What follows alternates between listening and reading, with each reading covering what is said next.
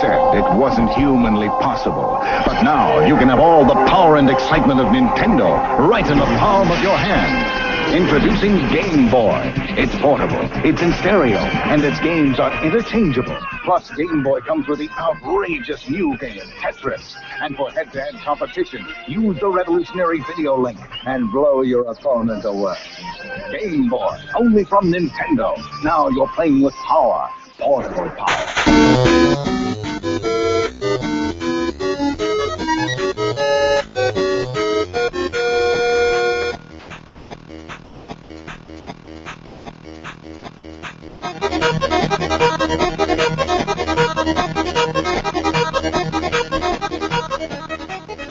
Får eh, starte med å gratulere Lolbua med 25 eh, deilige episoder så langt. Og i samme slengen får vi gratulere dette japanske selskapet Nintendo, som for 25 år siden ga ut noe de kalte for Game, Gameboy, heter det vel.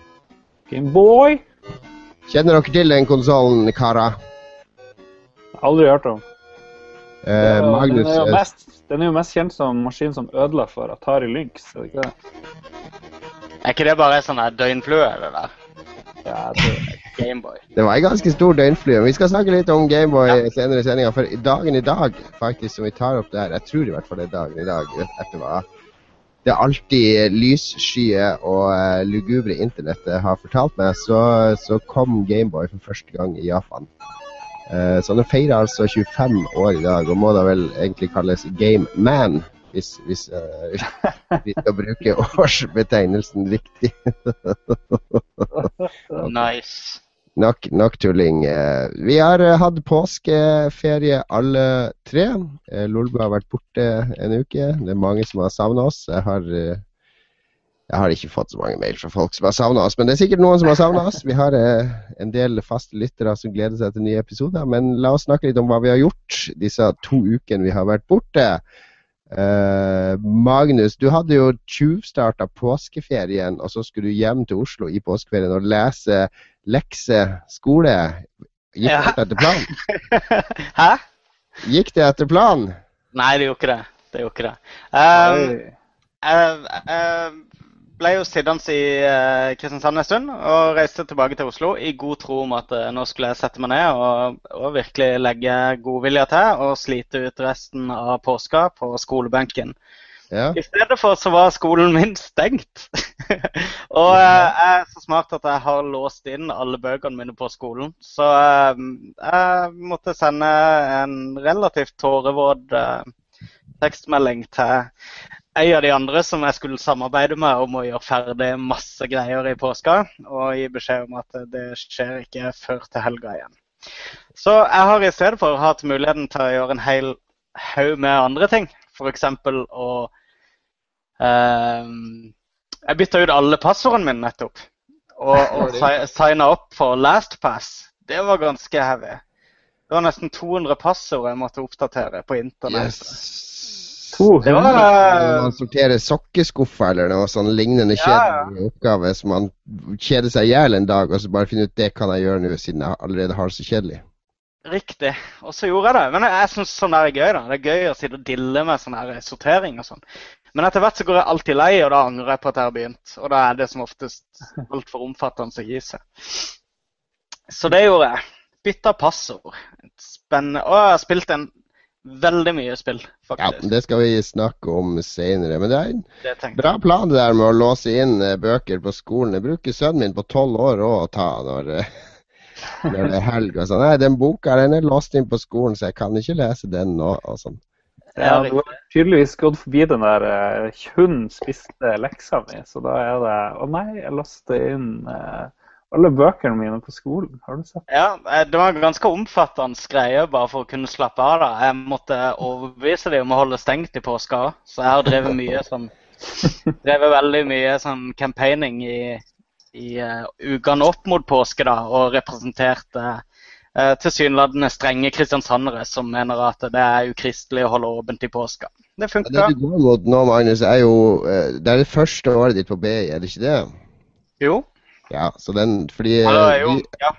meg og Lars som har vært studenter før, vi vet jo at den der, eh, det høstsemesteret det er jo bare en, en, drøm. fordi da går du mot kulde og mørke og jul. Det er ikke noe problem å sitte og lese på eksamen. Mens nå, nå har du fått en forsmak av sommeren utenfor vinduene dine, og så ligger du litt etter på det og det og det, og så tror du at det her er bare å ta igjen i mai, når alle vennene dine skal sitte ute i parker og drikke øl og grille hver eneste ettermiddag og hver eneste helg. Det er det vårsemesteret som er studentens store last. Det har jeg forstått. Men jeg begynte faktisk eksamenslesinga mi allerede 1.4. um, fordi at jeg visste at jeg kom sikkert til å slekke litt uh, seinere ut. Men sånn som nå har jeg funnet en sånn perfekt balanse hvor jeg egentlig er på skolen hele dagen. Og så har jeg funnet et sted jeg kan trene underveis. Så jeg tar en pause og går og trener, og så tilbake igjen på skolen og leser videre. Det funker bra. Så vi får se. vi får se. Det er ikke sånn på BI at de, har, de, er russ hvert år, så du får sånn russedrakt i mai og Uh, nei, du trenger ikke russedrakt på BI. Det er liksom Det er innforstått at okay, det er, det er, det er mental russ. Du trenger ikke yes. det fysiske. Oh, der er det mye evig russ, altså. ja, ja, ja. Kan vi ikke snakke om noe hyggelig? Vi kan snakke om noe hyggeligere. Jeg, kan, jeg, jeg vet ikke om det er hyggeligere. Lars, hva, hva din, hvordan har din påske vært? Um, hadde besøk av min eh, kjære bror Jan Fredrik, som har kommet fra eh, Sverige, hvor han bor eh, til daglig og gjør sine ting. Så vi har gått på ski. Vi har sett mye dritt og spilt mye rare ting på data. Og vi har spilt litt Shadowrun-rollespill på penn og papir. Uh, ja, bare helt sånn som det skal være. Spist altfor mye mat som vanlig. Er det vanlig påske for deg, da? Bare sitte inne og spille og se film? er ikke det det du gjør hver jul? Og Hvordan skiller du jul og påske? Nei, påska skiller seg ut med at det er um, Kvikk Lunsj og appelsin med ut på tur. I stedet for nøtter og, og julegodteri? Jula er det veldig lite fysisk aktivitet, altså. Det er liksom ikke lagt opp til at man skal være så aktiv i jula, egentlig. Du skal bare spise i jula. Ja. Jeg føler Nei, det er litt... Påska er mer sånn friskushøytid. Altså, ja, litt mer fokus på Gud og Jesus, føler jeg, på TV og greier.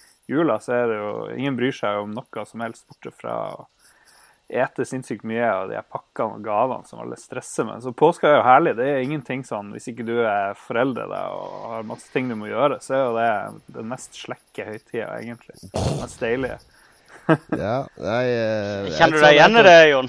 jeg, hørte i påska på radioen at uh, Den norske kirke klagde klagde sin nød over at uh, mens besøkstallet i jula var sånn her uh, fulle benker, og folk kom marsjerte inn og måtte stå i kirka på julegudstjenesten, så var det like tomt i påsken som ellers i året. Så jeg vet ikke om det er så mye mer Gud og Jesus for hvermannsen i, i påske enn det er i jula.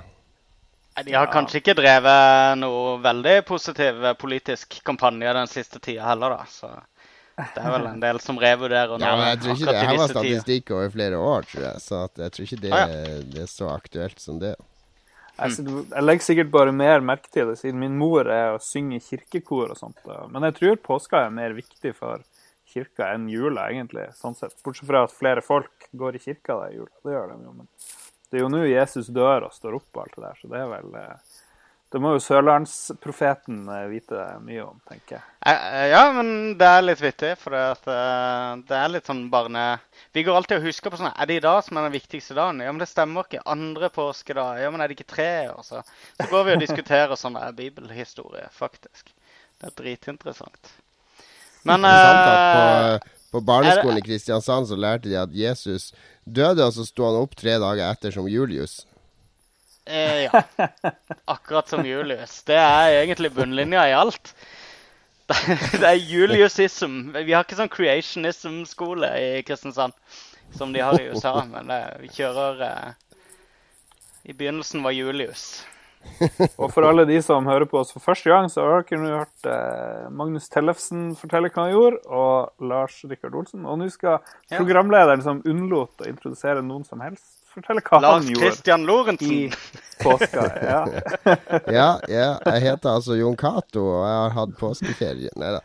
Jeg har uh, Min påske de siste årene har bestått i å kjøre over fjellet til en hytte uh, på Halsnøy rett ved Stord på Vestlandet. Og der tilbringer vi dagene stort sett med å prøve å fiske torsk og andre fisker. Så hadde vi med to dykkere i år òg, som fanga kamskjell og flyndre med harpun. Så vi har egentlig spist fiskemat nesten hver dag i påsken. Alt fra bacalao til kokt torsk til uh, andre ting. Blodferskt rett fra havet. Det er veldig fin, veldig fin diett. Påskediett. Er det noe du liker? Ja, fersk, nyfanga fisk. Det liker alle. Ja. Til og med ungene sluker jo den fisken. Ja. Så det er, det er veldig godt. Sånn. Og så har jeg fått anledning til å spille masse brettspill på hytta, fordi det er masse unger og ungdommer der. Og de voksne tror jo fortsatt at brettspill er monopol og yatzy, så jeg klarte å få med ungene på en del morsomme sånn halvavanserte brettspill som var veldig gøy. Så jeg skal skrive anmeldelse på flere av de for gamer.no. Men det kuleste jeg har gjort, eh, oppdaga i påsken, var jo at min favoritt-TV-serie over alle favoritt-TV-serier, nemlig The Trip, sesong to, har begynt på BBC. Så jeg har fått med meg de første to episodene av den. For de som ikke kjenner The Trip, så er det en serie med, med Rob Bryden og Steve Coogan. To veldig morsomme engelskmenn. Eller Bryden Feteste navnet. Fra Wales. Og, og sesong én så reiser de rundt i restauranter, fra restaurant til restaurant i Nord-England. Sånne gourmetrestauranter. Og de egentlig bare sitter bare og prater piss og improviserer til hverandre og, og uh, De improviserer vel nesten mer enn noe annet. De improviserer vel mer enn noe annet. Finne ut hvem som er best til å ja, men de har, de har liksom sånne karakterer der. For Steve Coogan er sånn utrolig hårsår på at han skal være mer berømt enn Rob Bryden, og at karrieren hans skal være på vei opp og sånn. Men sånn der Bryden er litt mer sånn avslappa, men helt sånn manisk med å gjøre sånne impressions hele tida. Så det er veldig sånn anstrengt forhold, og det fortsetter de i sesong to. Nå virker de litt mer som de har litt mer sånn tillit til hverandre, og de er litt mer sånn de er litt mer klar over at de har vært over toppen av karrierene sine. Det er litt mer sånn selvironi og sånn. Men det er Nå er de i Italia forresten også, så de besøker bare italienske eh, restauranter. For, de som er, for du, Magnus, som er glad i å lage mat, jeg vet ikke om du har sett første sesongen, men det er jo ja, hele tida sånne klipp fra kjøkkenet der de står og, og, og hakker og steiker, og de får jo bare sånne syke gourmetretter hele tida, så du blir ganske sulten av å se det programmet, samtidig som man ler godt. Man må ja. huske, De som skal lete etter det, de må ikke laste ned filmversjonen av The Trip. for det finnes Nei, på Netflix så ligger det The Trip filmversjon, og det er bare sånn klipt sammen av de tre timene sesong én varer, ned til halvannen time. Den er langt fra så morsom som serien, der du får se der all dialogen blir mye lengre og mer pinlig og mer uh, enda mer introvert. og, og nei, Absolutt serien som må ses.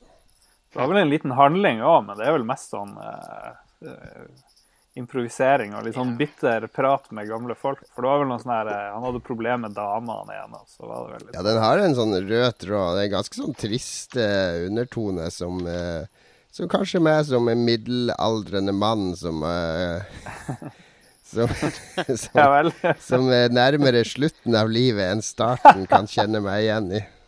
Nå begynte du denne eh, forklaringa her med at du snakker om at alle de dumme voksne som trodde brettspill var, bare var monopol og sånn, og så avslutter du med å snakke om din egen eksistensielle krise som middelmådig. Ja, men jeg er, jo, jeg er jo voksen som skal leke og spille inn i grava. Jeg skal ikke sette meg ned og, og være sur og etablert voksen. Altså når unger spør meg om åssen det er å være voksen, så sier jeg bare akkurat som jeg, jeg har det akkurat sånn som dere, bare at jeg kan gjøre mer.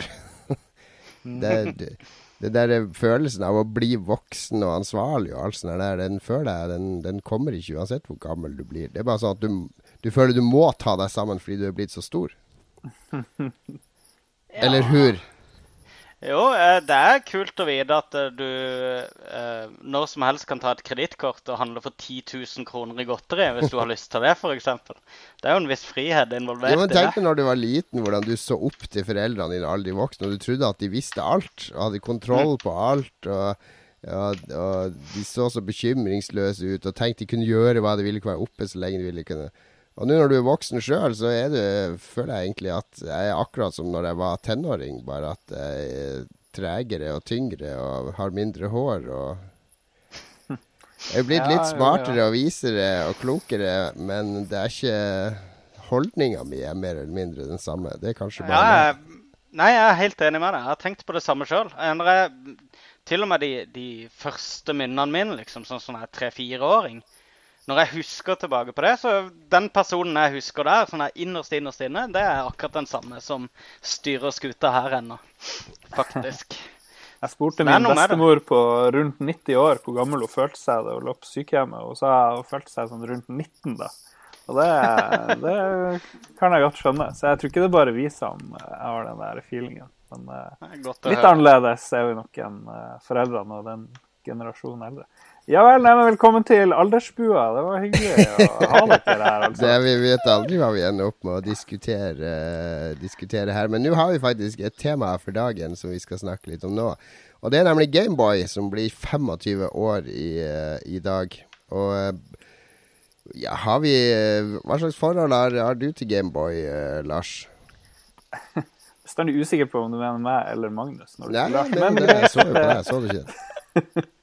Nei uh, Ja, som jeg sa først her i sendinga, så for meg er jo Gameboyen var det som tok livet av Atari Lynx. Fordi den der dårlige monokrome skjermen uh, med ufattelig dårligere grafikk klarte liksom å hamle opp med den der eh, lekre, lille Amigaen i en uh, bærbar eske. Men når jeg kom forbi det, da, så er jeg veldig glad i de her Gameboy Advance. Det var vel der jeg fikk min første Gameboy, egentlig. Og syns jo den var fantastisk. Jeg tror jeg alle Gameboyene etter det, til og med den mikroutgaven som er sånn ja. latterlig liten uh, utgave. Ja, den fant jeg her om dagen. det var morsomme maskiner, da. Det, og den funker supert enda. Absolutt. Men hvorfor tror du at Gameboy ble knuste lynx på den måten? Nei, altså, det var jo Jeg husker godt når, når Gameboy kom spesielt i amerikansk spillpresse, de gjorde mye narr av den maskinen. De, det var egentlig sånn veldig undertone av at de mislikte Gameboy ganske sterkt. F.eks. i, i EGM og de andre magasinene fra den tida. Fordi de likte ikke at det var så utrolig utdatert sånn rent teknisk. Og så dårlig skjerm, og, og, og det, Lynx og alle de var så mye bedre. Men den knuste jo alle. Hvorfor gjorde den det? Nei, si det. Jeg husker jo veldig godt de her Game and Watch-greiene. Det syns jeg var fantastisk morsomt. Så jeg skjønner ikke hvorfor jeg ikke skulle like Gameboyen da den kom, egentlig. For det var jo fantastisk. Donkey Kong Junior spilte jeg jo lørvene av eh, back in the days. Det er vel en av de beste Game and Watch-spillene, tror jeg. Så, noen var sånn, så de skjønte vel at de hadde en vinner da de solgte så sinnssykt mange av dem. Så enkelhet og få options. Eh, den her eh, Apple-veien til suksess, den har vel Nintendo litt, eh, litt av det samme av, jeg tror jeg. Ja, Har du noen teori, Magnus? På hvorfor han slo igjennom? Ja, altså det, Den knuste jo all motstand. Det var kun ja. Gameboy som gjaldt helt fram til PSP kom. Og selv etter det så har det jo bare vært Gameboy og DS som, som har dominert helt. Jeg husker det. Jeg, jeg satt med den første Gameboyen fordi min lillebror eh, fikk en til jul for 100 år siden. Eh, eller 25 år siden, som vi nok kan si. eh, som faktisk ikke er så langt unna. Men, men uh, han hadde også en Game Gear og noe sånne greier. Jeg husker liksom, jeg syns Game Gearen var kulere, men jeg, jeg fremdeles, eller ikke engang da, så likte jeg Sonic. Så det var liksom ikke noe spill å spille på. Mens uh, og Gameboyen hadde Tetris og hadde etter hvert eh, Jeg husker Turtles spilte som en gal. Og alle Mario-spillene ja, ja, ja. som bare pøste ut. Bare kvalitet etter kvalitet etter, eller kvaliteter. Så det var vel spillene som gjorde at de fikk innpass. Det var ikke noe billig, og spillene kosta kjempemye. Og ja, de, kosta, de gikk i stykker hele tiden. Ja, de lå på 300 spenn, tror jeg, i Norge. Så de, de var, var billigere enn en kassettspill på stasjonære konsoller. Men jeg tror, ja. jeg tror, eh, Du er inne på noe. Jeg tror eh, pris var veldig avgjørende fordi en Gameboy kosta tusenlappen, eller under tusenlappen, ganske raskt etter at den kom. Mens Game Gear og Lynx, det var sånne maskiner til 2000-3000 kroner. Eh, det er en deal-breaker bare der for foreldre som skal ha en maskin til ungene sine. Og det andre var jo at uh, det hadde Tetris. Og Tetris ble jo selve definisjonen på, på håndholdt spill. Altså sånn reisespill. Og, det trenger jo eh, selvfølgelig batteritida, for Lynxen ja, varte vel bare i fire, fire, timer med seks AA-batterier, mens uh, Gameboyen varte jo i ti-tolv uh, timer. Så det har en del å si, det òg, tror jeg. Ja. ja. Jo, batteritida har gjort at jeg har blitt veldig skeptisk til de her nye greiene. Jeg syns DS, eller 3DS, varer altfor kort. og Sammen med den der PS Vita. Det, det, varer, det varer ikke lenge nok for meg. til at jeg Husker du ikke når, når PSP ble lansert, så, eh, og de ble kritisert for hva var det var, fire timer batteritid på PSP, så svarte de at eh, jo, men du skal jo ikke ha den med deg ut. Som viste en enorm forståelse fra hva de nettopp hadde lansert i Japan. Hva sa du? Ja, de er langt mindre bærbare i dag enn de var før. Men jeg var aldri noen sånn stor fan av Gameboy da den kom. Uh, jeg husker når jeg jobba på, på Akersmik der, så han uh, kompanjongen min som jeg jobba med, han hadde jo Gameboy og mange spill, men han sa det kjipe med å spille sånn som Super Mario Land og, og de spillene der på Gameboy, var at de var ofte litt sånn de var, de var, de kjipere lillebrødrene til uh, Super Nintendo-spillene. Altså, de, de, var liksom der uh, strippa for ting og mye enklere og, og litt sånne ting. Så jeg ble først sånn skikkelig interessert når Gameboy Color kom, for da kom jo Super Mario Bros i sånn arkadeperfekt versjon til Gameboy Color. Og da var det plutselig sånn Oh wow, du kan få sånn NES-spill helt perfekt mm. på Gameboy nå. Nå har den blitt kraftig. Uh, og det, den retro Jeg vet ikke, den retro-greia dro meg inn i Gameboy av en eller annen grunn. Allerede da. Det er jo gøy å se at Gameboyene og Gameboy Color og sånt, det er jo, brukes jo av musikere og sånne her chip-dudes live. Så det fins jo vanvittig mange kule klipp på YouTube hvis man leter. og Ja, den, det er jo selve maskinen for alle chipmusikere med LSDJ som uh, som lager all musikken sin på den. Det er ganske ja. imponerende sånn ettermæle den har fått. Mm. Jo da, absolutt. Det var litt for vanskelig å ta med seg Commodore 64 på konserter og sånt, tydeligvis. Men han var veldig Jeg husker designet var veldig fint på han for tida. da. Jeg husker han var veldig pen. Og alt annet var svart på den tida. Så kom den hvite lille konsollen, ikke sant? Som Den lille murstein. Ja, men han var liten da. Altså, se på mobiltelefonene. Eh, ti år seinere så var de ca. like store. Mm. Jo da, jo da. Men var, den appellerte også veldig til eh, mye mer til jenter enn Nintendo hadde regna med. hva, hva, tror dere det skyldes? Uh, ja, vi må få noen jenter på podkasten igjen, så vi kan spørre dem. Nei, det var vel uh, at det var enklere spill. Det var liksom ikke de der uh, tunge rollespillene der det var et, et heavy sånn regelsett. Det var, det, var, liksom Mario og Kirby og disse her som fronta, uh, som fronta konsollen. Og er mye mer i hvert fall jentevennlig på den tida enn en typisk sånn Altered Beast og sånn, som var sånn Sega blockbuster på den tida. Så det har vel litt med det Jeg tror ikke kanskje at det er litt sånn uh, Det er litt tryggere å sette seg med en sånn liten dings og en liten skjerm i sofakroken og spille litt, enn å skru på en svær TV og en konsoll og lydanlegg og alt, altså sette seg i stua. Det føles mindre som at du er dedikert til å spille, hvis du skjønner hva jeg mener. Jeg ser utrolig mange damer jente, dame, eldre dame på, på T-banen i Oslo som sitter og spiller Wordfeud og, og Angry Birds og sånne typer spill når de reiser. Jeg tror ikke de tenker på det som å spille, på en måte. Jeg tror bare de tenker på det som tidsfordriv. Tror du ikke Gameboyen gjorde det kanskje litt lettere å gjøre spilling til en slags plukke opp altså, eh, når du har fem minutter og bare spiller bitte litt Tetris, og så legge den fra deg igjen? De første jeg testa Nintendos da jeg var liten, det var hos jenter som digga Mario. Eh, det var liksom greia de sier. De digga Mario, Donkey Kong og eh, hele den de der typiske Nintendo-karakterene. Jeg tror ikke de, Og de, de, visste jo at de spilte, men det var liksom ikke så viktig. og De visste ikke hvor lang tid det kommet, sånn, men de spilte en del på det. og ja. Mm. Så uh, jo, du har kanskje rett i det. Kanskje det var det. Jeg tror det, det, det. Er det da et steg framover at med DS så ble de veldig sånn bevisst på at de skulle nå jenter, så da lagde de jo Nintendogs og rosa DS-er, og så gikk jo mm. Ubisoft amok med sånne babyspill og Twins. dyrestellspill og sånne ting. Det var ting. Twins. Ja, blir det ikke litt sånn uh, Jeg vet ikke. Jeg føler at Kalkulert. de spillene, spesielt Nintendo sine spill, taler veldig til begge kjønn, på en måte. Eh, ja, jeg vet ikke helt hva eh, Sånne ting har vel utvikla seg litt nå de siste årene, da. med hva, hva, er det som taler til kvinner, og hva er det som taler til menn? I Nintendos eh, Altså rent sånn kjønnsspesifikt i, i Nintendo-utvalget. Jeg føler de bare er så aseksuelle som de kan være, og at det er det de slipper unna med, kanskje. Det er bare klassisk ja, eventyr. Tja, de lagde jo dritbra spill, da, så det er jo ikke rart at jenter også hadde lyst til å spille dem. Da. Så det Nei, det kan ikke være kvalitet. Ikke hvis det er jenter. Jo, jeg tror det. Kvalitet og familiesegment, ikke sant. Da passer det for alle. Også mor og far.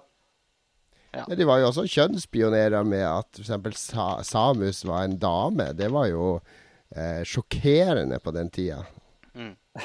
Var det? ok. Det var det. Det var helt eh, det var, si, si en kvinnelig spillfigur før Samus. Miss Pacman, og that's it.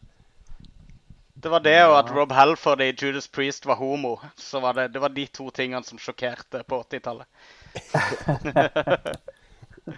Hvis du spiller, tror, tror du spiller Metroid mens du hører på Judas Priest, så blir Samus lesbisk. uh, ja. Det, det står på Gamefax. da må det være sant. Som en kunde av meg sa en gang. Ja, men det står på internett, så da må det jo være sant. Ja, ja, ja. det var herlig. Yes. Nei, har vi noe mer å si om uh, jubilanten? Vi kan, jo, uh, vi kan jo se hvordan den har det i dag. Jeg vet ikke Jeg mange... sjekka 3DS-salgstallene i dag. 3DS har solgt 40 mill. allerede. I ja, sine okay. forskjellige inkarnasjoner. Og hvis du plusser det sammen med DS-salget, siden den er en videreføring av den, så uh, lever jo Nintendos håndholdte i beste velgående, selv om VU sliter. Mm. Ja. Men ser vi for oss 25 nye år for Gameboy, nå når mobil og nettbrett truer den mobile spilltilværelsen? Det virker vel nesten ikke som om Nintendo gjør det engang. De er jo i gang og skal liksom spre seg ut til en haug med andre nå. Jeg, jeg, jeg synes ikke det Altså, er, er ikke de blitt veldig opptatt av mobiltelefoner nå? Smarttelefoner? Ja, jeg tror ikke de tenker på å porte spill til de. Jeg tror de tenker på å lage applikasjoner som leder brukerne til Nintendo sine maskiner. Ja, Men tror du de skal lede de til Gameboy? Ja, f.eks. en Animal Crossing-applikasjon som lar deg browse en møbelkatalog på iPaden din, og så kan du bestille møbler til spillet, ikke sant? jeg, tror, jeg, tror, de tenker mer på sånne type ting. Eh, ikke en direkte port av Mario, men en, eh, en eh, Ja, en extension av spillene sine. Mm. Fordi de har jo vært helt paranoid med å lage egne Se om VU kom, så, så lagde de jo Meverse, som faktisk er ganske kult. Sånn er det kombinert forum og uh, sted Jeg har faktisk brukt Meverse når jeg satt fast i et sånn uh, puslespill. Da tok jeg screenshot fra der jeg så, satt fast, og så bare posta jeg på Meverse 'help stuck'. Og så gikk det ti minutter, så hadde en fyr svart hva jeg skulle gjøre. Og det er veldig sånn moderert og vennlig forum, men det som de har gjort helt feil der, det er at du kan, du kan tegne bilder og dele på Meverse, og masse folk som driver og upvoter og liker det som blir lagt ut der og sånne ting. Hvorfor i all verden har de ikke bare integrert det rett mot Facebook? Altså så at du kan poste skjermbildene og prestasjonene dine ut på Facebook og Twitter og alle sånne steder. I stedet så har de hatt det så lukka at du må skru på VU-en din, måtte du i starten første året, for å gå inn og se hva de andre har delt og lagt ut. Fordi de, de skal holde på sine egne systemer og sånne ting. Så jeg tror ja, det, det, er jo... mer det de har åpna igjen for nå. Og, og, og, altså gå ut i verden med tingene sine. Selv om de sikkert kommer til å holde spillene på sine plattformer. Ja. Nei, jeg tør ikke spå noe som helst. Jeg føler spillindustrien er litt sånn usikker fase for tida. Vi vet liksom ikke helt hva som, hva som skjer, for å si det sånn. Men det er ingen tvil om at uh, Mer enn noen gang, egentlig. Det er jo ingen tvil om at Nintendo snubler seg baklengs inn i utviklinga når det kommer til internett og, og som sosiale medier osv. De er jo helt grusomme på det. Ja. Jo da, jo da. Du ser jo bare de her uh, infamous second sun-fotomulighetene. Det har jo virkelig slått an. Hvor du kan dele rett ut på faceren og ja, er det mange som gjør det? Pøse ut de kule screenshotene. Ja, det virker sånn. Jeg har i hvert fall sett masse eksempler på forumet. Jeg har ikke sett, jeg har ikke sett ett på, eh, blant mine Facebook-venner, i hvert fall. jeg har heller ikke sett noen. Nei, men jeg tror, jeg tror, folk kanskje driter litt i å legge det ut på eh, åpent på Facebook, i hvert fall. Det vel, og det var vel hele poenget, at de skulle gjøre det, var det ikke det? Nei, men de deler det jo ut ellers på eh, forum og sånne andre ting. Så, men jeg har sett litt på Twitter, det har jeg gjort. Men jeg tror ikke du kan legge ut på andre steder enn Facebook. Direkte, da. Nei, mm. nei. Men jeg, jeg, tror både fordelen og ulempen med Nintendo er at de eh, utformer alle ideer og strategier og sånn in-house av sine mm. egne mm. folk. Mens andre i mye større grad bruker konsulenter og eksterne og får hjelp til å gjøre ting trendy og hipt og knytte seg til sosiale nettverk og utnytte trendene som ligger i i mediebruken i dag. Så, og det, det, er både en fordel og en ulempe, fordi det gjør at Nintendo, når de går rundt i blinde, de kan snuble over en gullgruve, sånn som de gjorde med Vi, f.eks. Mm. Uh, men de kan også gå helt på trynet fordi de ikke har noe folk som forteller dem at det her går galt. Så, så det, konklusjonen er at det er umulig å spå spillbransjen, og det er dobbelt så umulig å spå hva Nintendo gjør i spillbransjen. ja. Eh, siste tips kan jo være at de som syns eh, Nintendo Gameboy-musikken var kul, så er det et, et nettsted jeg fant i dag som heter pulseboy.com. Hvor du får opp en sånn browserbasert eh, trekker hvor du kan lage Nintendo-musikk. Jeg har hørt noen resultat. Jeg prøvde meg sjøl litt, og det ble ganske drit, men eh, det går an å lage sinnssykt fete ting der. Så pulseboy.com for alle med litt tid til overs og har lyst til å lage sin egen Nintendo-musikk kan man eksportere i VAV rett fra greia. Kult, kult. Bra tips, Lars. Vi skal over til uh, Magnus sin favorittspalte. Uh, som vanlig så har vår gode venn Magnus ikke lest gjennom dagens nyheter på forhånd, så han tar de Men uh, la meg i hvert fall finne sendeskjema her. Der var det, ja. Ja, riktig. er nyhetsanker Anchorman La eh, Magnus, er du klar? Jeg er klar. Da kjører vi nyhetsjingle.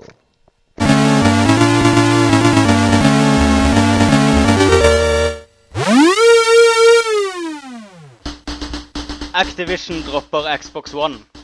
The Amazing Spiderman 2, som kommer til alt som kan krype og gå av spillkonsoller i starten av mai, dukker ikke opp på Xbox One. Spillet var opprinnelig annonsert til Microsofts nye konsoll, men har plutselig forsvunnet fra lanseringsplanene til Activision, som sier eh, versjonen har blitt utsatt på ubestemt tid.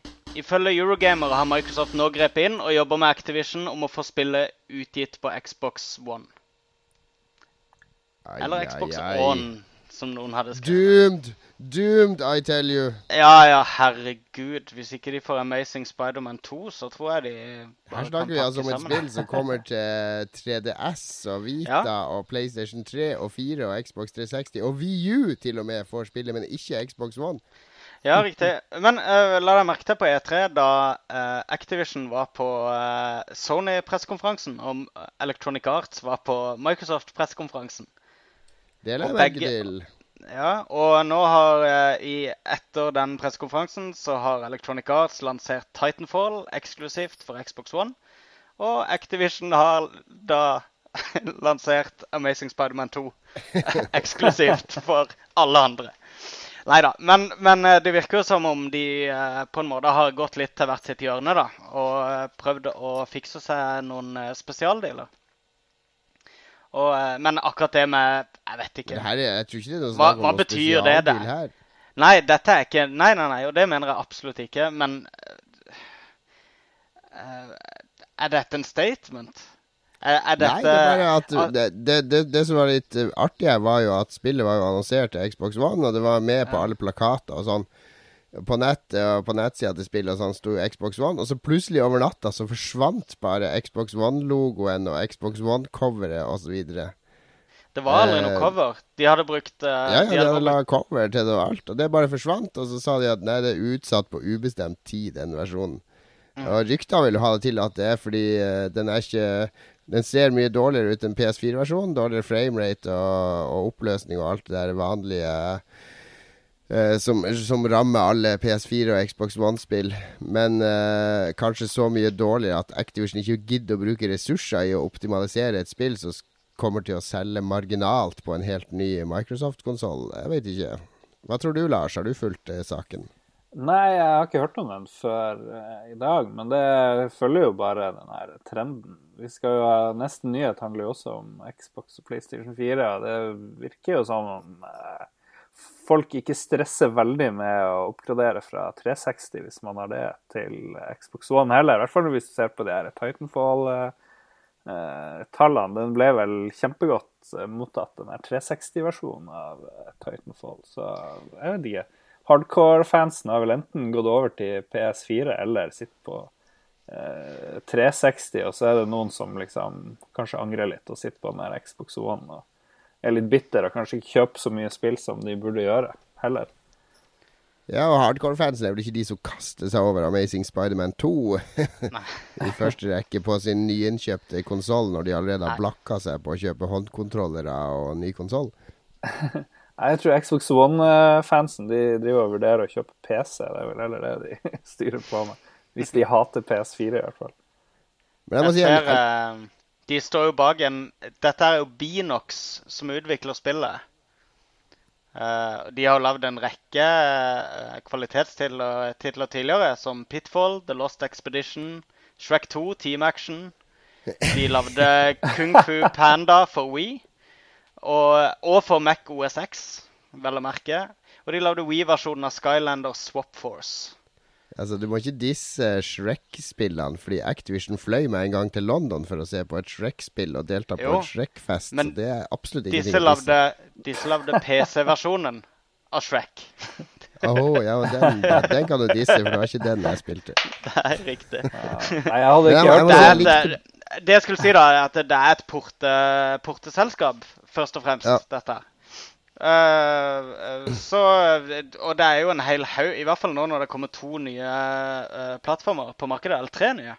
Pluss Vita. Fire, da. Så, uh, og de skal være bakoverkompatible til PlayStation 2, liksom. Typisk.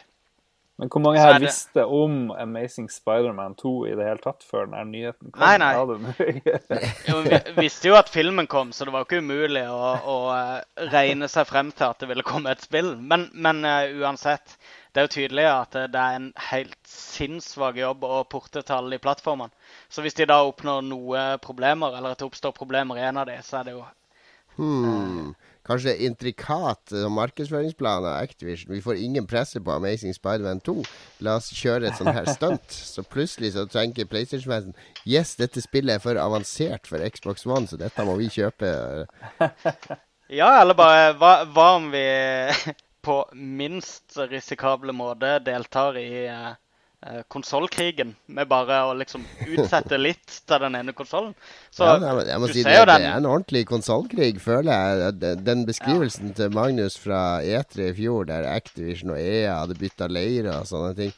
Det minner meg om Game of Thrones på en måte. Her er det backstabbing og faksjoner som skifter leir og lojalitet og hvem hvem er disse? Er, er, Nintendo House Stark? Altså de rigide og tradisjonelle og ærefulle.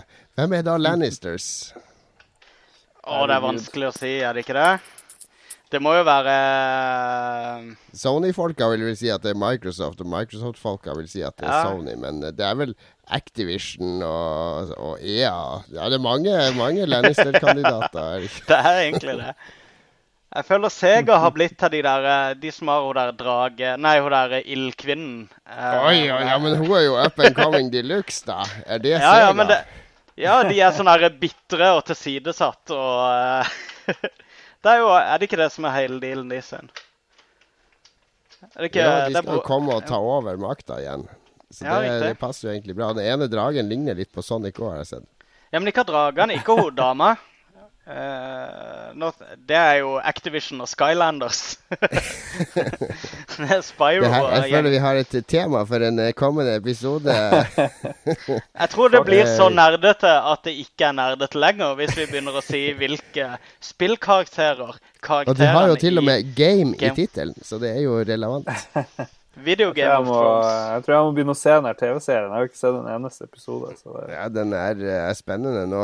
Veldig ja, det er verdt, ja, det er verdt å følge med på. Men eh, Ja, nei, vi snakker ikke om spill ennå. Men eh, vi kan snakke om det etterpå, forresten. For det vi kan gjøre det. Vi skal videre i nyhetsopplesinga. Uh, Magnus, ha øynene dine på skjermen, for nå kommer Sony har meddelt at de har solgt over 7 millioner PlayStation 4 og holdt unna for Xbox One selv i mars måned, da Titanfall kom eksklusivt til Microsoft-konkurrent.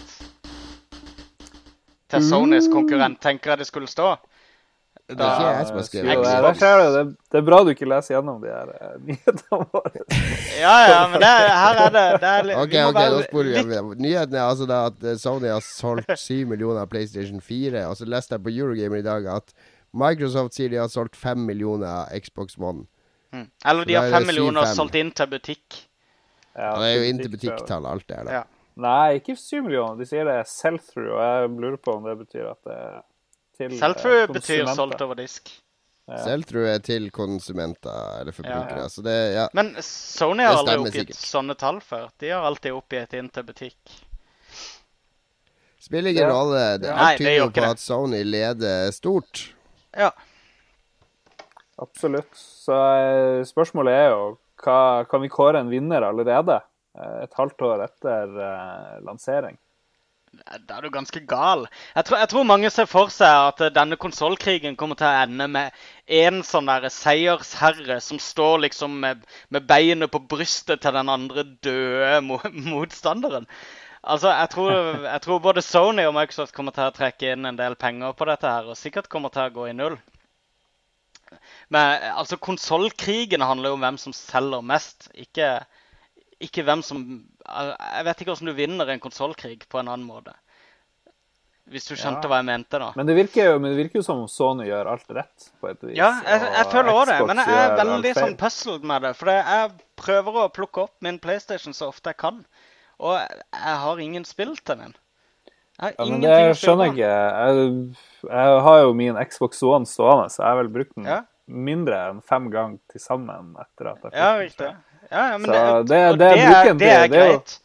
Det jeg bruker den til, det er å vise frem det der voice-greia, og så sitter vi og ler litt når vi ikke klarer helt å styre eh, det opplegget. Jeg og moderen og broderen satt der nede i kjelleren, og så bare sier jeg Xbox on, og så drev jeg jo litt sånn frem og tilbake og binga mye. Bing er jo det morsomste funksjonen med hele eh, Xbox men, men altså, uh, Lars, hva bruker, du, uh, hva bruker du PlayStation til? Bruker du den til Netflix, f.eks.? Uh, ja, litt Netflix, men jeg spiller jo uh, litt Battlefield og spilte der Hva det heter det? Den nye Trials-greia. Trials Fusion, som vi skal snakke om senere spilt ja. Mercenary Kings, og jeg liker jo de her uh, indie-spillene. Så hvis ja, du ser, Det kom jo nylig en sånn liste Men dette er jo dette er ikke indie-spill. Trials. Nei, men de her indie-spillene er jo òg uh, bra. da. er sånn, ja. ja Don't Starve og de her gjengen her. Men uh, jo, hvis jeg... du ser på lista over spill som har kommet til Xbox One og PS4, så er det jo mye mer ting på PS4, visstnok. På? På, uh, det har et mye større spillbibliotek allerede. Hva sier du? PS4 har et større spillbibliotek allerede. Ja, men det er ikke det. Jeg, jeg er egentlig bare nysgjerrig på for det, i det det er snakk om for eksempel, Jeg bruker ingen av de nye konsollene veldig mye. Jeg syns ingen spill som er sluppet det siste halvåret det, Jeg syns ikke det er mange som har skilt seg ut. da. Så jeg spiller egentlig ikke så mye på de, noen av de nye konsollene. Men jeg bruker Xboxen til Netflix. Uh, og det er ene alene fordi det er den definitivt mest stille konsollene. Men spillmessig, jeg, jeg, jeg, finner ingenting som liksom river meg til verken Xbox eller Hovedgrunnen til at du bruker Xboxen til Netflix, er at du får achievements for å se serier og filmer. jeg har faktisk fått noen av de der, men nei da. Du får ikke, du får ikke noe poeng for de, så det er sånn null poeng achievements.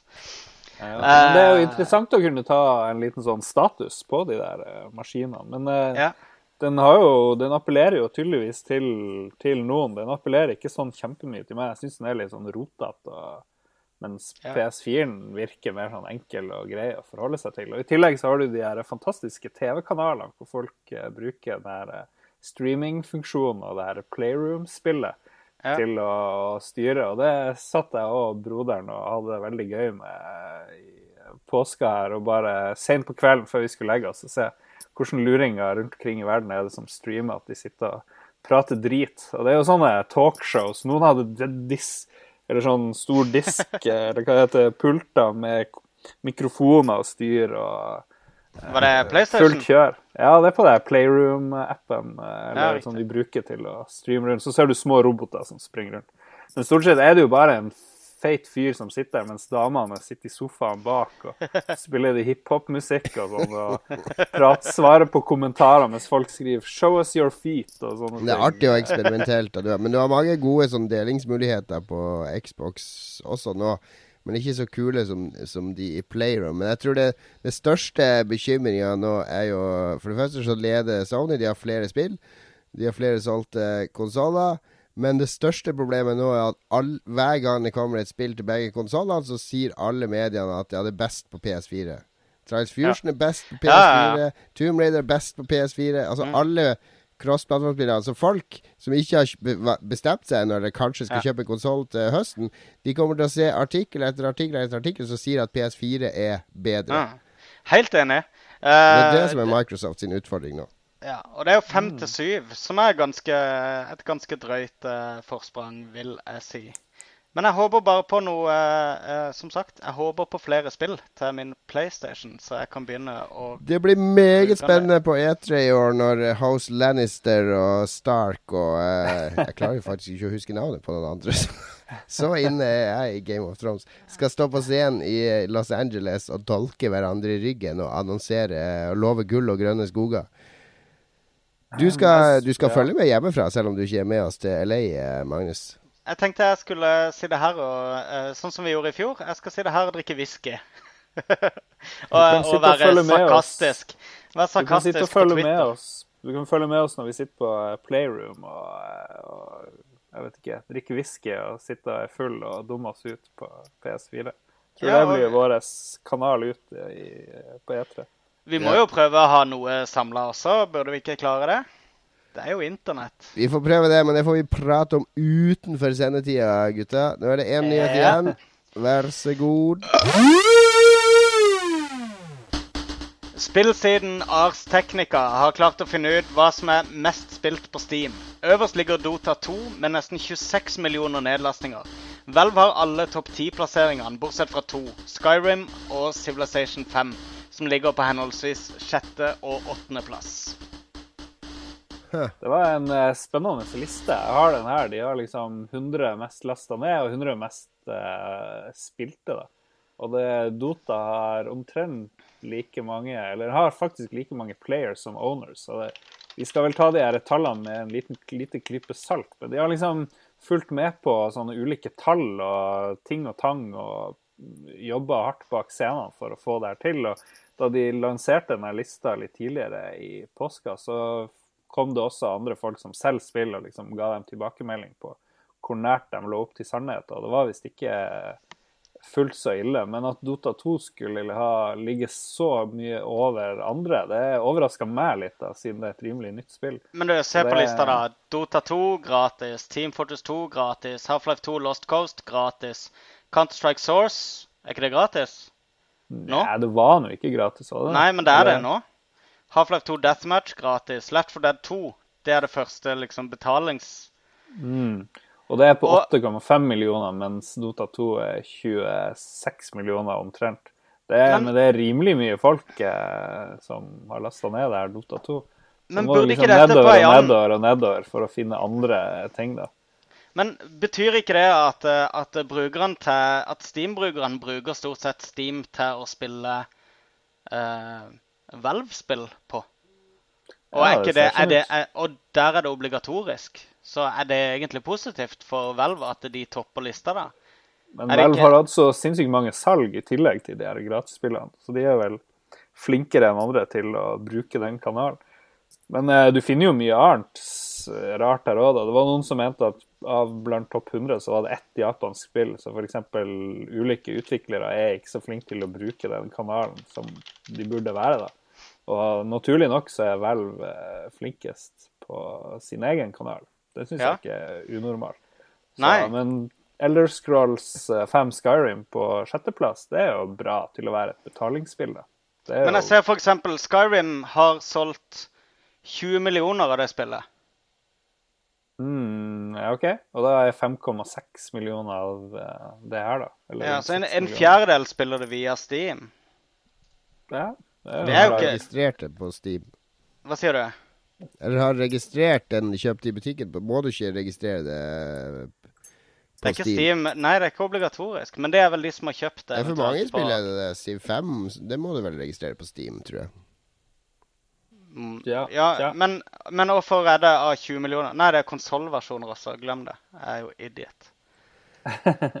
Moron. Ingen, nei, av dere som, er, ingen av dere som ferska meg der. Herregud, for noen amatører. er morsomt å se at sånn småspill som Terraria ligger på 15.-plass med 3,9 millioner eh, eiere der. Mm. Det er jo, de må ha tjent noe ufattelige penger på det spillet der. altså. Men er ikke det et problem det der med de Steam-salesene? At de uh, pushes Eller uh, utviklerne blir så pusha til å være en del av de der salgene, og så tjener de så lite penger på det? Er ikke det en sånn ting? Jo, det er, det er flere utviklere som nekter å være med på de der salgene. Og det er jeg for så vidt enig i. Mm. Spillene bør jo koste det de koster. I stedet for bare å gi de bort på salg. Det, det, noe annet i den statistikken kom vel fram til at en tredjedel av spill som er solgt på Steam, er aldri spilt, liksom. Var det ikke det flere skrev om? Ja, men det tror jeg nok. Jeg er sikkert i den uh, kategorien. Jeg har altså noen som jeg aldri har prøvd, så jeg bare har kjøpt som en del av sånn Humble Bundle eller alt mulig annet, eller bare fordi det har vært på 80% rabatt, så jeg tenkte at det skal jeg kjøpe og spille en gang. Men skal vi klage over at vi kan få tak i spill jæklig billig av og til? Er ikke det helt supert? Eh, de gode spillene blir jo solgt uansett, og de tjener jo inn det de trenger for å fortsette å lage spill. Se på, uh, se på tredjeplass på lista, jeg må bare si det. Uh, Half-Life 2 Lost Coast. Her er det en annen uh, sånn liste fra de, der det står at av de hva er det, 12,8 millionene som eier spillet, så har 2,1 spilt det. Og det er tredjeplassen på lista. faktisk. Ja, samme det. Ja, ja. Nei, men det er spennende tall. Bare gå på Arts Technica, så kan du ikke se hva som ja, det er morsomme tall. Men uh, jo, hvis vi skal si noe mer om det der med salg Jo da, jeg, jeg er enig i at det er gøy å kunne plukke opp ting billig som forbruker, eller få ting på salg. Men jeg tror for Steam sin del så tror jeg at det er veldig mange brukere som konsekvent ikke kjøper spill til fullpris, fordi de vet at om to måneder, fire måneder, seks måneder, så kommer det til å være halv pris i påskesalg eller sommersalg eller julesalg eller alle de andre salgene de har. Minst halv pris. Og det, det er jo også noe som gjelder i, i vanlige fysiske spill. Jeg, vet, jeg, kjøper jo aldri et helt nytt spill til 600 kroner, for jeg vet at om et år så ligger det i brukthylla til 150 kroner. Ja, men du får jo spillene uansett, så det er jo ikke helt realistisk. Men eh, hvis eh, Jeg vet ikke, GTA 6 kom i morgen og jeg ikke fikk det, så hadde jeg jo kjøpt det. Si jeg kjøpte det. GTA til Jeg kjøpte det til full pris, faktisk. Jeg hadde ja, ingen spill, deal så... eller for noen spill, men hvis, hvis uh, Men poenget er at hvis du har en Altså, du forringer jo det gratisspillene har gjort, er jo å gi folk eh, eh, en sånn der eh, filosofi om at spill skal, kan være gratis. Så hvorfor skal jeg betale 200 kroner for et spill når det finnes gratis alternativer? Hvorfor er ikke det her òg gratis? Skjønner du? Altså, de, filmbransjen sleit i mange år Eller de holdt i mange år prisen på DVD-er på 99 kroner. Du fant ikke DVD-er til mindre enn 99, bortsett fra hvis det var sånn der eh, pallesalg av helt ræva filmer med ræva kvalitet. Mens alle vanlige eh, filmer fikk du til 99 kroner. For i Danmark så hadde de begynt å gi bort filmer på eh, eh, Sammen med ukeblader som Se og Hør og sånne ting, så, der du fikk med filmen for å kjøpe et blad for 35 kroner. Det gjorde at salget av film totalt stoppa opp i Danmark, ja. fordi folk eh, begynte å tenke at film er egentlig ikke verdt så mye. fordi hvis jeg, jeg trenger ikke å kjøpe den her, for jeg får den sikkert med en avis eller et ukeblad om ja. noen måneder uansett. Skjønner du? Det handler om å ha en verdi på... i en vare. Og for meg som forbruker også, liker jeg jo å kjøpe ting som har uh, Jeg føler at pengene mine er brukt godt. Hvis jeg kjøper et nytt spill til 600 kroner, og det er et halvt år etter er verdt 150 kroner, så føler jeg jo at jeg har kasta pengene ut av vinduet. Vi må få besøk av vår venn, eh, lederen av Piratpartiet Norge, Øystein eh, Jacobsen, som er, vil synes det der høres helt supert ut. For han mener jo at eh, ting har kosta altfor mye før, og pengene har gått til absolutt alle andre enn de som har lagd produktene som vi forbruker. Så hvis eh, man gjør veien kortere fra dem til oss, så vil det koste mindre, og de vil få mer av kaka. Så, men med sånne her gratisspill så er det vel sånn at nesten bare noen tjener penger på det. Det er vel sånn at 2% av de som laster ned gratisspill, betaler for det, mens alle andre driter i å betale. Men det er en uh, interessant diskusjon. Men jeg mener jo at uh, jeg er jo litt med på Piratpartiets uh, side der, da. At ting har kosta altfor mye. 600 kroner for et spill er dobbelt så mye som vi burde betale, i hvert fall. Ja, men det er jo Markedet tillater det jo. Det er jo det norske markedet som dikterer de norske prisene. Jo, men Jon sier jo nå at vi ikke gidder å kjøpe så dyrt lenger. Jo, men hvis så det hadde kosta 1200 kroner for et spill, så hadde ikke folk kjøpt det. Og nå begynner det å bli dyrt, for nå endrer markedet seg. Dette er jo bare. Jeg kjøpte vel kanskje noen Nintendo 64-spill til rundt tusenlappen. Det er ikke det en gang i tida. ja, det, ja, man gjorde det før, men da var spill, ja. spillene eksklusive og alt mulig sånn. Men sånn som det er nå, så Folk eh, har en, Jeg tror mange har en smertegrense på sånn 150 kroner. Og da skal det være GTA 5-kvalitet, liksom. Jeg, jeg, tror, og det er ingen sammenligning for øver, men, øvrig, men jeg, jeg, tror det er litt surt å se f.eks. Uh, GTA 5 Nå er jeg veldig fiktiv her, for det eksisterer jo ikke på iPad. Men GTA 5 det er 600 kroner i butikken til PlayStation. Uh, eller så er det til iPad så koster det liksom 59 kroner eller noe ikke sant? når det eventuelt lanseres der. Og selv om mm. ikke spillene er det samme, eller noen ting, så ser jo folk den prisen. Eller sånn syv kroner for Skylanders eller whatever. Så ser folk de prisene der. og eh, jeg, jeg tror folk bruker hele det budsjettet på 600 kroner lett kan bli brukt i uh, AppStore eller noe lignende der. På sånne små, små betalinger. Vi fikk en akutt ny, ny, ny, nyhet på lista vår, så jeg vet ikke om vi skal lese den opp. Jeg kan Kjør på!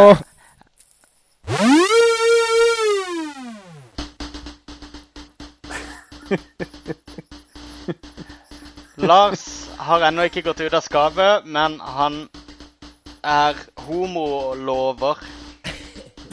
Jeg vet ikke hva, hva, om han lover at han er homo, eller Jeg skjønte ikke den. Jeg skjønte ikke den. Det var ingen nyhet. Herregud, Lars. Veldig, veldig barnslig utvikling på sendinga her, må jeg si. Ja, Men dette visste vi fra før, Lars. Det her må klippes ut av lydfila. Det her, eh, Vi skal ikke ha noe sånn homohets i nei. Det var jo ikke noe homohets. Det var jo folk som går ut i skapet, var det ikke det? Ja, ja. Nei, men da tror jeg, da tror jeg det er på tide med en pause, er det ikke det?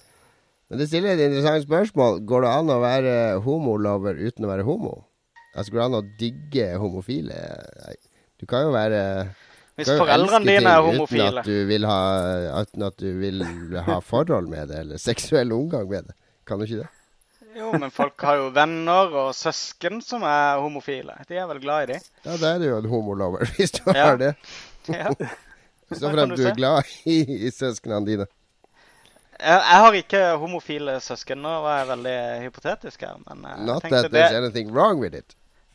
Seinfeld Jo, akkurat det, akkurat det er det noe galt med. OK, ok, nå sporer vi helt av her. Vi skal ta en kjapp pause. To og et halvt minutt med Stillhet. Eh, en sang om eh, et spill eh, laga av en eh, hobbyrapper. Så nå kommer Magnus til å vri seg på kontorstolen sin. Vi hører på litt Himron. Uh.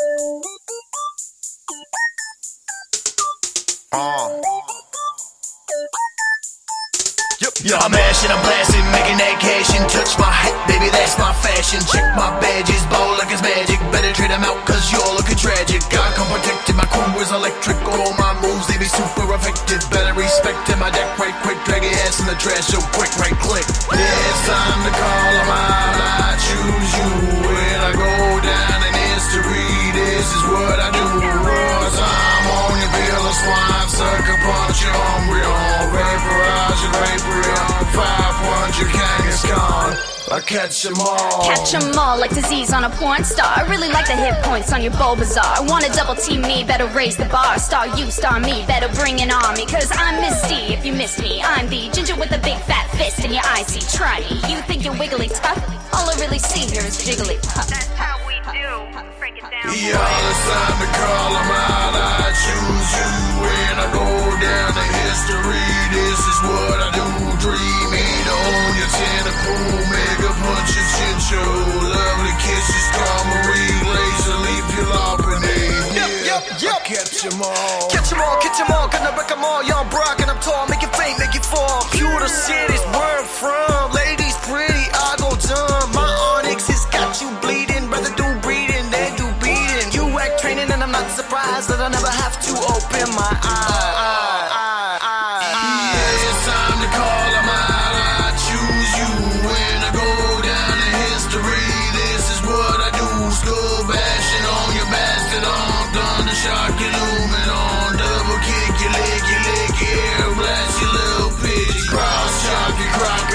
Sludge bomb your slug maw. Shadow ball your sunflower up out of snow. Your smoochums. Back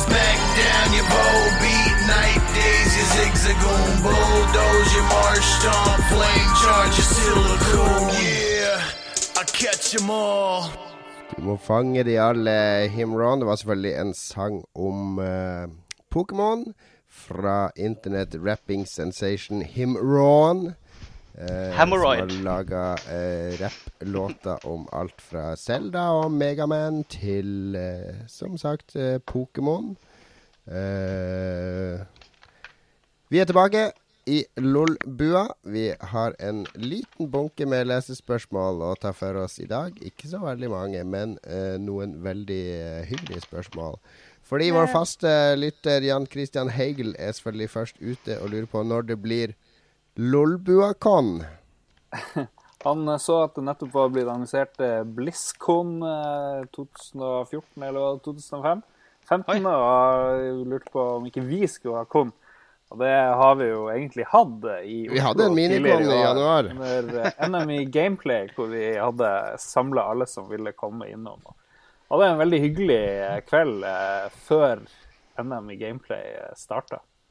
Så det skal vi gjenta, men vi vet ikke helt når vi skal gjøre det. Var det ikke hyggelig etter? Det var hyggelig etterpå. Ja. Før og etter. Ja. Det var hyggelig ja. hele helga, egentlig. Men skal, skal det hete Lolbuacon eller Lolcon? Eller? Lolcon blir det jo, da. Veldig raskt. Problemet med Lolcon er For jeg googla det nå for å se om det fantes noe som heter Lolcon. Og det var det ikke, men det er noe som heter Lol-Icon. Og det er Ja, det er ikke helt det samme. Nei, det er, men det er fort gjort å bli misforstått. Altså, Lol-Icon er Lolita-kompleks og pedofili og Jeg tror ikke vi, jeg tenkte ikke på jeg tror Vi tar sjansen på å være så nært det, det uttrykket. Jeg vil jo tro at det, League of Legends heller hadde tatt ting, tinga seg den heller. Men ja, ja. Jeg syns det er veldig tematisk. Hvis du først skal arrangere et con, så legg deg så, så nærme inn på alle de der eh, cheesy japanske griseriet som mulig. Vi kan jo være litt crazy og kalle det for ja. Men må alt hete Kon? Kan det ikke hete Lolpax? Eller Ja, vi kan hete Konbua, så har vi Eller Konbua, ja. Det er, der er navnet for konet vårt. Ja, ja. Konbua. Genialt, Magnus. Stjerne i margen til det der. All right. Takk, takk. Um, vi har fått et litt lengre brev fra Øyvind Hatleskog. Men du, jeg må bare si, jeg må bare si at ja? på, på uh, hva det ble nå, Konbua, så blir det også cosplay-konkurranse for å kle seg ut som en av oss tre.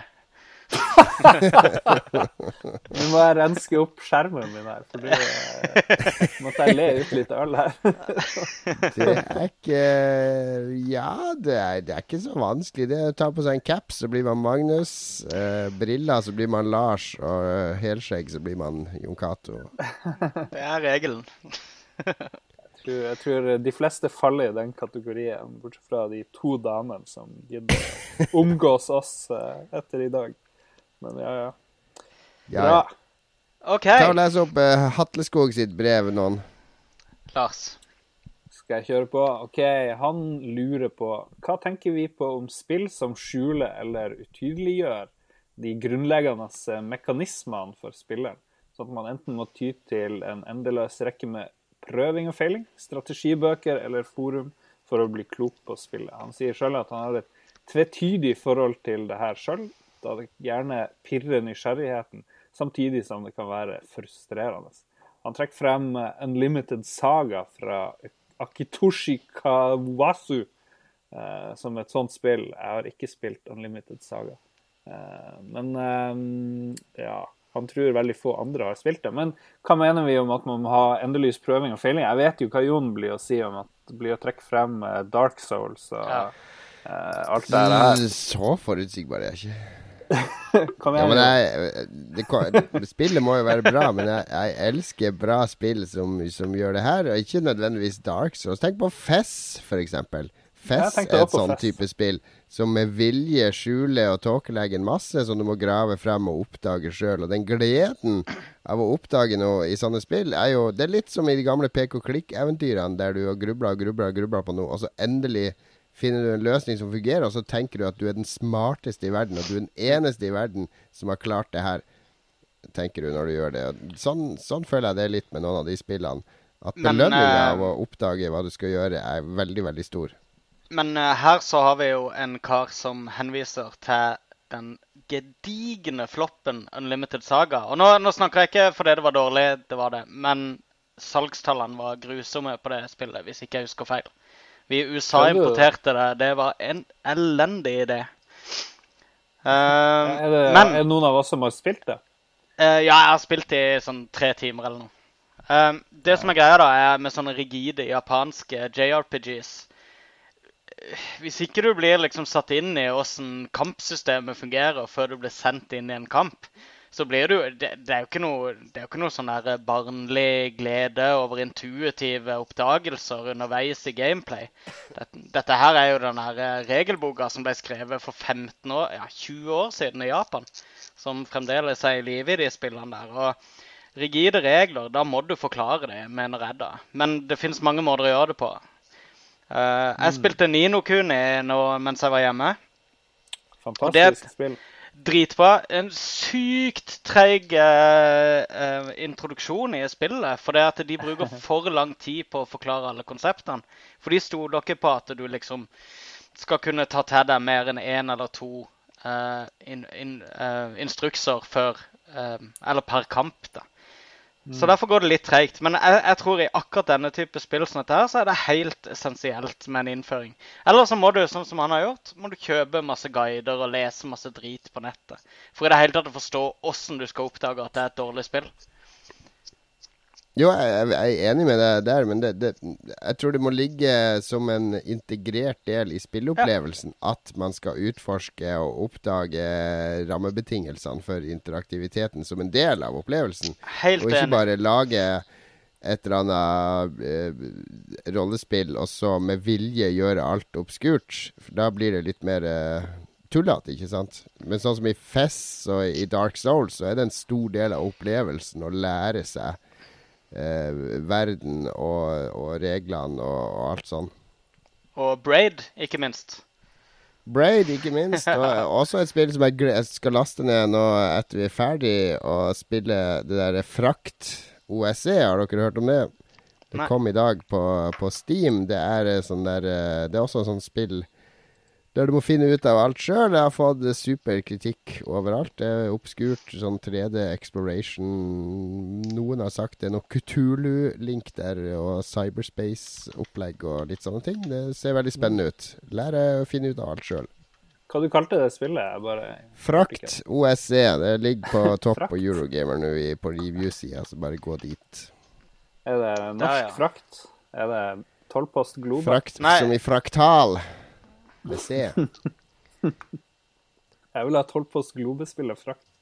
Men hva med deg, Lars? Liker du å få alt forklart med teskje?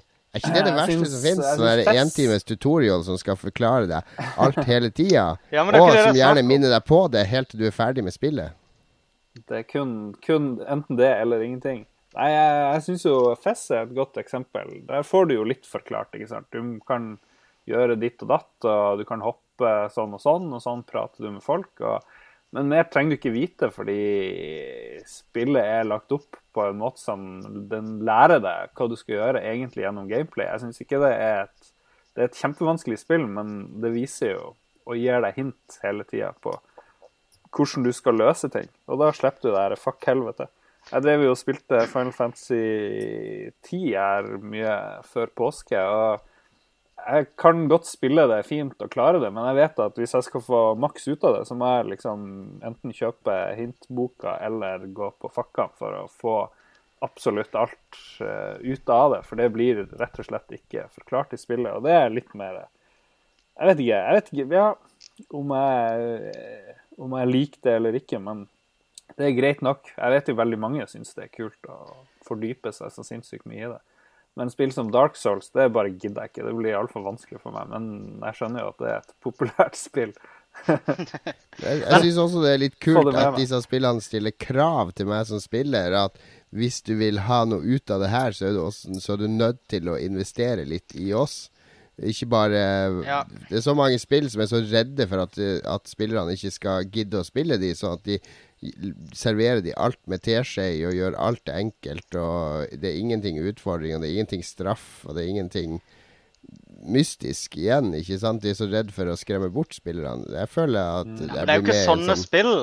Det er jo ikke sånne spill det er snakk om. Jeg, jeg er helt enig med deg om at du kan integrere det som en del av gameplay. Men det er liksom som å lage en film i svart-hvitt og gjøre et poeng ut at denne filmen er i svart-hvitt. Det betyr ikke liksom ja, det ikke det, all film er dritt som er i farver, liksom. Hvis du er en Dark Souls-spiller, så er du medlem i en klubb der Lars ikke gidder å bli med. Han mm. har ikke det som trengs for å bli med i den klubben. Men hvis du setter deg ned med en kortstokk da, og skal lære deg et kortspill, så er du nødt til å lese regler. Ikke sant? Altså, På noen ting så må du sette deg inn i åssen ting ja, det fungerer. Ikke, det er jo en helt elendig analogi å bruke. Nei, det er det, det er det, vel ikke. Hvis du skal sette deg inn i Unlimited Saga uten noe forklaring, så sliter du. For det ja, at det, det, det, det, det, det. Unlimited Saga kan være et dårlig eksempel. Men, ja, men det er hans sitt eksempel. Det er mange gode sånne spill òg. Men de krever mye mer av spilleren enn at du bare setter deg ned og trykker på A helt til spillet er ferdig? Selvfølgelig, men du er nødt til å vite disse grunnleggende mekanismene, som er basically det samme i alle sånne spill, for, for å kunne være flink i det, eller for å kunne ta egne beslutninger. Ok, Jeg tror jeg og alle andre, bortsett fra dere to, skjønner hva begge Men jeg kan si noe, da. Jeg kan si noe. I Japan, og det er litt, det er litt typisk for uh, japanske rollespillere det er at eh, den guide-businessen i Japan er gedigen. Og det lages knapt et japansk rollespill som, hvor du ikke trenger en guide for å runde det. Og Derfor så mm. tjener de store penger på å lage disse guidene, så det er vel òg litt av forklaringa. Ja. Og hvis ikke folk får det med seg før, så er Jon og Magnus et slags gammelt ektepar av og ja, til på våre sendinger. Liker å, like å krangle litt kjærlig eh, seg imellom. Gjerne kverulere litt. Eh, men eh, ja, jeg tror vi har skjønt begge delene her. Det, det fins måter å, å, lokke folk inn i spillet og vise dem ting på uten å si det altfor tydelig, tydelig. Der er vi alle enige. Men det må gjøres på rett måte. Ikke sant, Magnus? Ja, og det må være intensjonen, da. Ja. Skal vi, skal vi kjøre videre, eller du, vil du fortsette, Jon? Nei, vi kan Se han! Vi kan kjøre videre. Vi har fått- Kjør videre. Ja. Vi har fått et uh, hyperferskt spørsmål mens vi streama det her på YouTube fra uh, en som har det geniale brukernavnet Raevhår. Uh, skal folk uh, gjette seg fram til hva det betyr? Ravehar, tror jeg du sier. Jeg tror det er sånn du Ja, Ravehar. Hvordan spill ser vi fram til på PS4 og Xbox? Og så har han slengt med noe, sikkert fordi vi har eh, diskutert de to konsollene. Blir ting bedre bare pga. at ting er i 1080P i stedet for 720P? Og han snakker da om oppløsninga. Jeg ser skikkelig fram til uh, Amazing Spiderman 2, som bare kommer på PS4. Uh, Jeg, jeg- ja, jeg, jeg har sett folk bli veldig veldig irritert på spill som ikke er i 1080P, og jeg som nå sitter på en 720P-skjerm, gir egentlig rimelig fucks i det. da.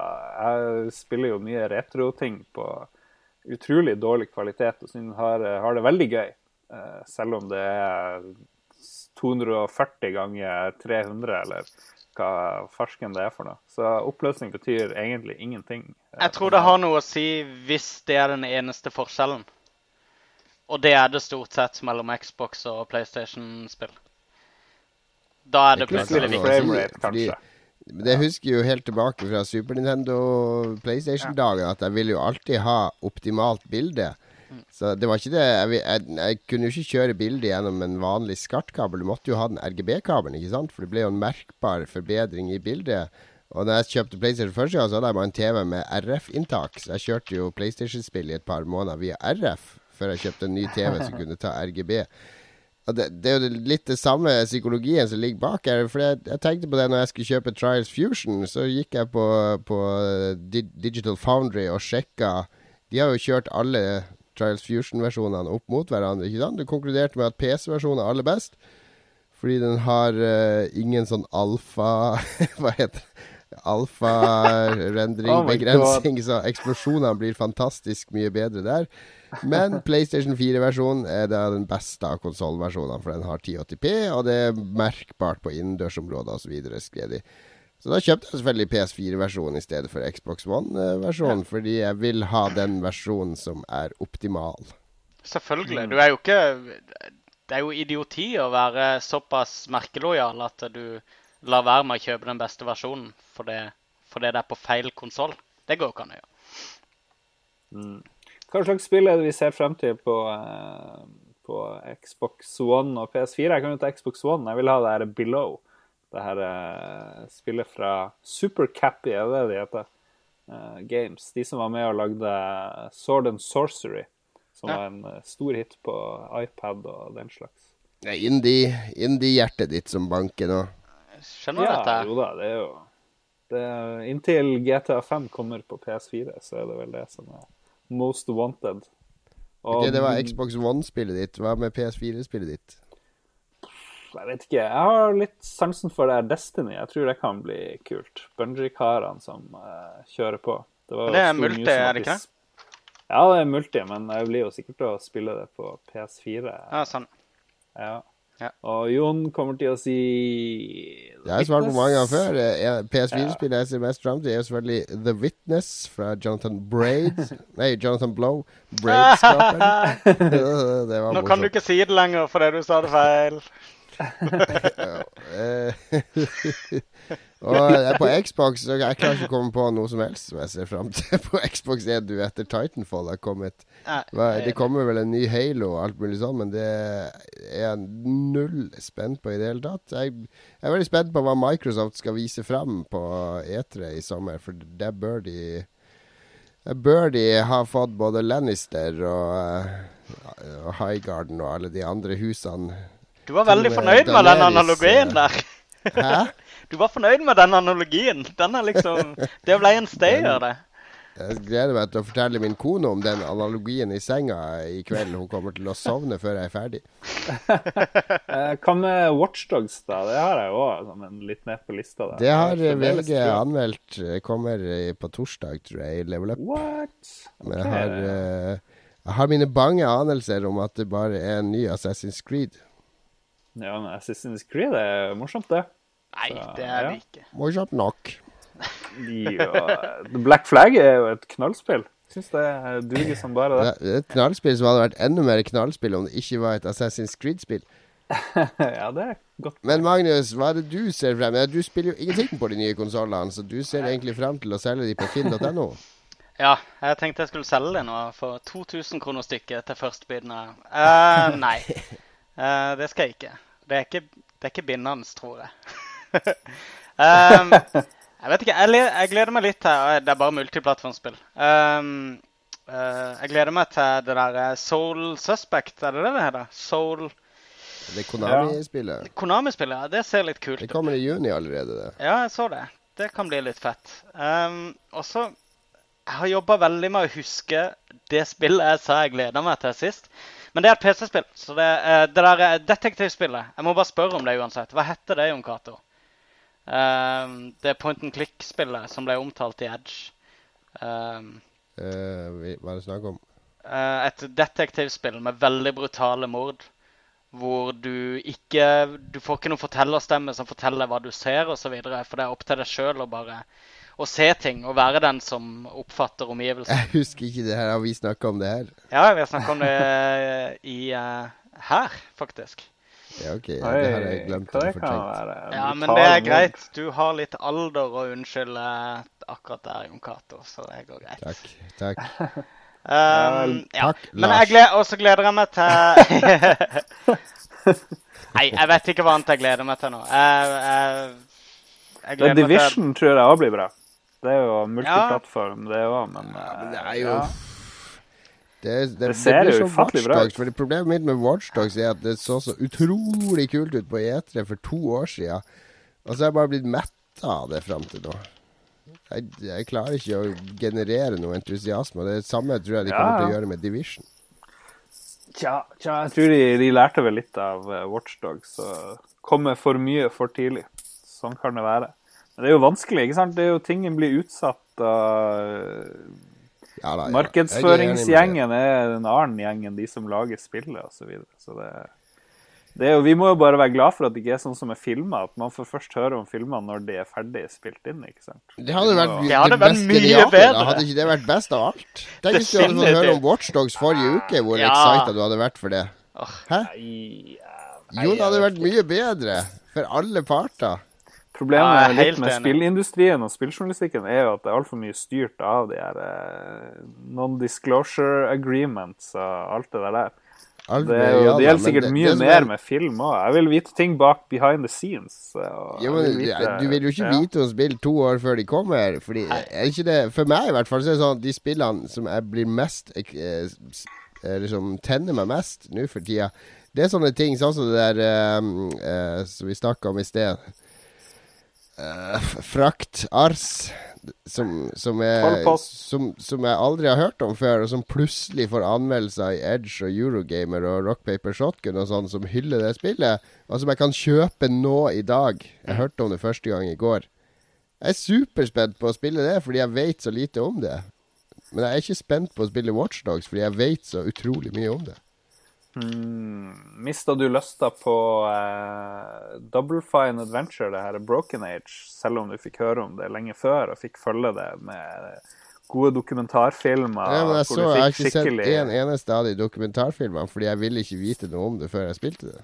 De spoiler ikke, de spoiler ikke spillet i den uh, i Nei, det var, det var ingen spoiling, egentlig. Ja, men jeg, set, jeg, sitter aldri nesten og teller dager til spill kommer. GTA 5 gjorde jeg det for så vidt litt med, og Super Mario 3D World, men det er veldig sjelden at jeg sitter faktisk og følger med på spill som skal komme om lenge, hvis det ikke er noe jeg må gjøre i sånn jobbsammenheng. Men det, når det dukker opp ting på IOS eller, eller, Steam, bare sånn ut fra intet, som plutselig folk reiver om på nettet og på Twitter og sånn, så, så blir det, synes jeg det er superspennende å oppdage sånne spill. Da har vi fått fasit, og vi kan gå videre til neste spørsmål. Yes, jeg vant! Torbjørn Hope Andersen eh, jobber på netteren og hører på Lolbua når han er på nattevakt. Og han lurer på om at vi til hans neste eh, jobbinnsats kan prate om spill som stunts fra Brotherbound. Biomenace eller Little Big Adventure-spillene. Så tipser han oss om at Little Big Adventure 1 har kommet til IOS og Android. Så legger han til her da, hvorfor dere bør snakke om akkurat de her spillene, vet jeg ikke, men kanskje jeg trenger en bekreftelse på at andre kjenner de her spillene, og hva vi synes om dem. Og eh, jeg kjenner til to av de spillene, men Biomenace okay, skal vi begynne med, skal vi begynne med stunts, da? Er det noen av oss som har spilt stunts? Uh, for 100 år siden, sikkert. Det er ikke Stunt Island, altså. Det er et annet stunts med biler. Ja, riktig. Ja, men uh, det er ikke noe jeg har noe å fortelle om. Det var, det var, også kjent som 4D racing eller et eller annet sånt. Jeg, jeg har, jeg, jeg har ingen minner fra det heller. Altså Stunt Car Racer det var det eneste spillet med stunt i navnet som jeg har eh, ekstremt ja. mye minner fra. Og så har du Stuntman på PlayStation 2. Nei, men eh, folk kan søke opp video, og det gjorde jeg da for å bli minnet på hva stunts var for noe. Det var et helt OK eh, tidlig 3D-spill eh, som så like ille ut som dere tror tidlige 3D-spill så ut, hvor dekkene på bilen driver går inn og ut, og det så rimelig skeit ut. Men ehm, ja, nei, dessverre så har jeg absolutt ingen minner fra det. Ok, men, Vi beklager, Torbjørn, vi har ikke så mange minner å dele fra det. Men Biomenace, da? Har vi spilt det? har vi det? Det, det det er sånn Commander Keen uh, uh, sånn Laga med samme motor som det. det. Var med noen romvesener og sånn plattformskytespill. Hm. Nei, det husker jeg ikke. Jeg, jeg tror det er, sånn, det, det er fra 3D Realms, og det er jo sånn her Det kom sikkert bare til PC, hvis jeg husker rett. 93. Ja, 93, for det skulle egentlig komme i 1973, men det var jo 3D Realms, så de Neida, nice. Det er de... dårlig med Biomenace, altså. Men Little Big Adventure, det spilte jeg. Det husker jeg. Det det var han fyren som sprang rundt som om han var full. Twinsen. I ting, så kom det sånne stjerner opp for hodet Ja, Twinsen het han. Mm. Ja. Twinsen. Toren heter Twinsens Odyssey, det er derfor jeg husker det. Det, det var 3D-isometri. Det husker jeg kjøpte. Jeg hadde originalen på, på PC i sånn svær, svær eske. Og det spilte jeg ekstremt mye. For det var veldig sånn uh, spesiell atmosfære i den byen. Det var litt sånn eh, fransk fantasy. Det forbinder jeg mm. med sånn heavy metal-tegneserier og, eh, og, og sci veldig sånn sær, eh, estetisk eh, vakker sci-fi. Så, så, det var utrolig sånn fint særpreg i det spillet, syns jeg. Likte det veldig godt. Jo, jeg syns òg det var ufattelig kult i sin tid. Og så kasta du en sånn ball på Fine. Det var jævla vanskelig å treffe, mm. men jeg syns det var et litt sånn kult system. Jeg husker bare uh, jeg, Dette var på tida da alt som heter noe med adventure i tittelen, sannsynligvis var det neste point and click-spillet jeg skulle spille. Uh, så alle spill med Quest i tittelen og alle spill med adventure i tittelen forventa et pek og klikk-spill hvor du ikke kunne dø, og som var fullt av humor og skikkelig intelligent. Så jeg var mye skuffa. Det, det er derfor jeg så mye darkness i min uh, oppvekst. Det er all den skuffelsen for alle de spillene med Quest og Adventure i, i Den darknessen kom vel først og fremst fordi du også lot det her gjelde for filmer, så du tvang deg sjøl til å se Jenna Jamesons uh, Deep Throat Adventure. Og... Ja, riktig. Og jeg satt der sånn her Vær morsom! Vær smart! Og det skjedde aldri. Men jeg takker jo Torbjørn for tipset om at uh, Little Big Adventure har kommet ut. Men apropos Little Big Adventure, det, det, hadde også en funksjon som var langt forut for sin tid, og ble forhatt av spillere på den tida. Men som vi i dag hater når denne funksjonen ikke er med i spillene. Og hva snakker jeg om? Quicksave. Autosave. Det var et av de første spillene med autosave, men det hadde ikke quicksave. Så PC-spillere de hata det at du ikke kunne lagre hvor du ville, for det var meningen at du bare skulle skru av, og så fortsatte du på siste checkpoint. Mm. Ja, nettopp. Ja vel. Eh, Torbjørn har et eh, bonusspørsmål. Han sier at da han var liten gutt, så spilte broren hans et spill på Commodore 64, sier han, hvor det var en etterforsker som surra rundt på et cruiseskip, eventuelt en båt, for å løse en mordgåte. Vet vi hvordan spill det er? Broren min husker fortsatt ikke navnet på det. Jeg tror jeg vet hva han snakker om. Jeg tror også jeg vet det. Men jeg tror ikke det kom ut i Commodore 64. Nemlig, jeg tror dere spillet. tenker på Cruise for a Corpse. Yes, ja, det er Delphine. Det er nok feil. Det var Amiga, Atari ST-spill. Og PC. PC ja. jeg tror det han ja. tenker på, er Murder on the Mississippi. Oh, det var en sånn der uh, Jeg husker det ganske godt, fordi det var et sånn mordmysterium på en sånn elvebåt på Mississippi, der du var en sånn Sherlock Holmes-type. Jeg tror han het til og med Watson, han du styrte. yes. Første Hvis det var på Kommunal 64, så ville jeg tro det var det. Selvfølgelig på tysk, så ja, sånn er det. Adventure Games er Tysklands domene. ja, det er det faktisk. Starte nye spill. La deg ikke spirsen spillstad. vi går for Murder on the Mississippi. Torbjørn, vi håper det var riktig. Send oss en mail hvis vi traff.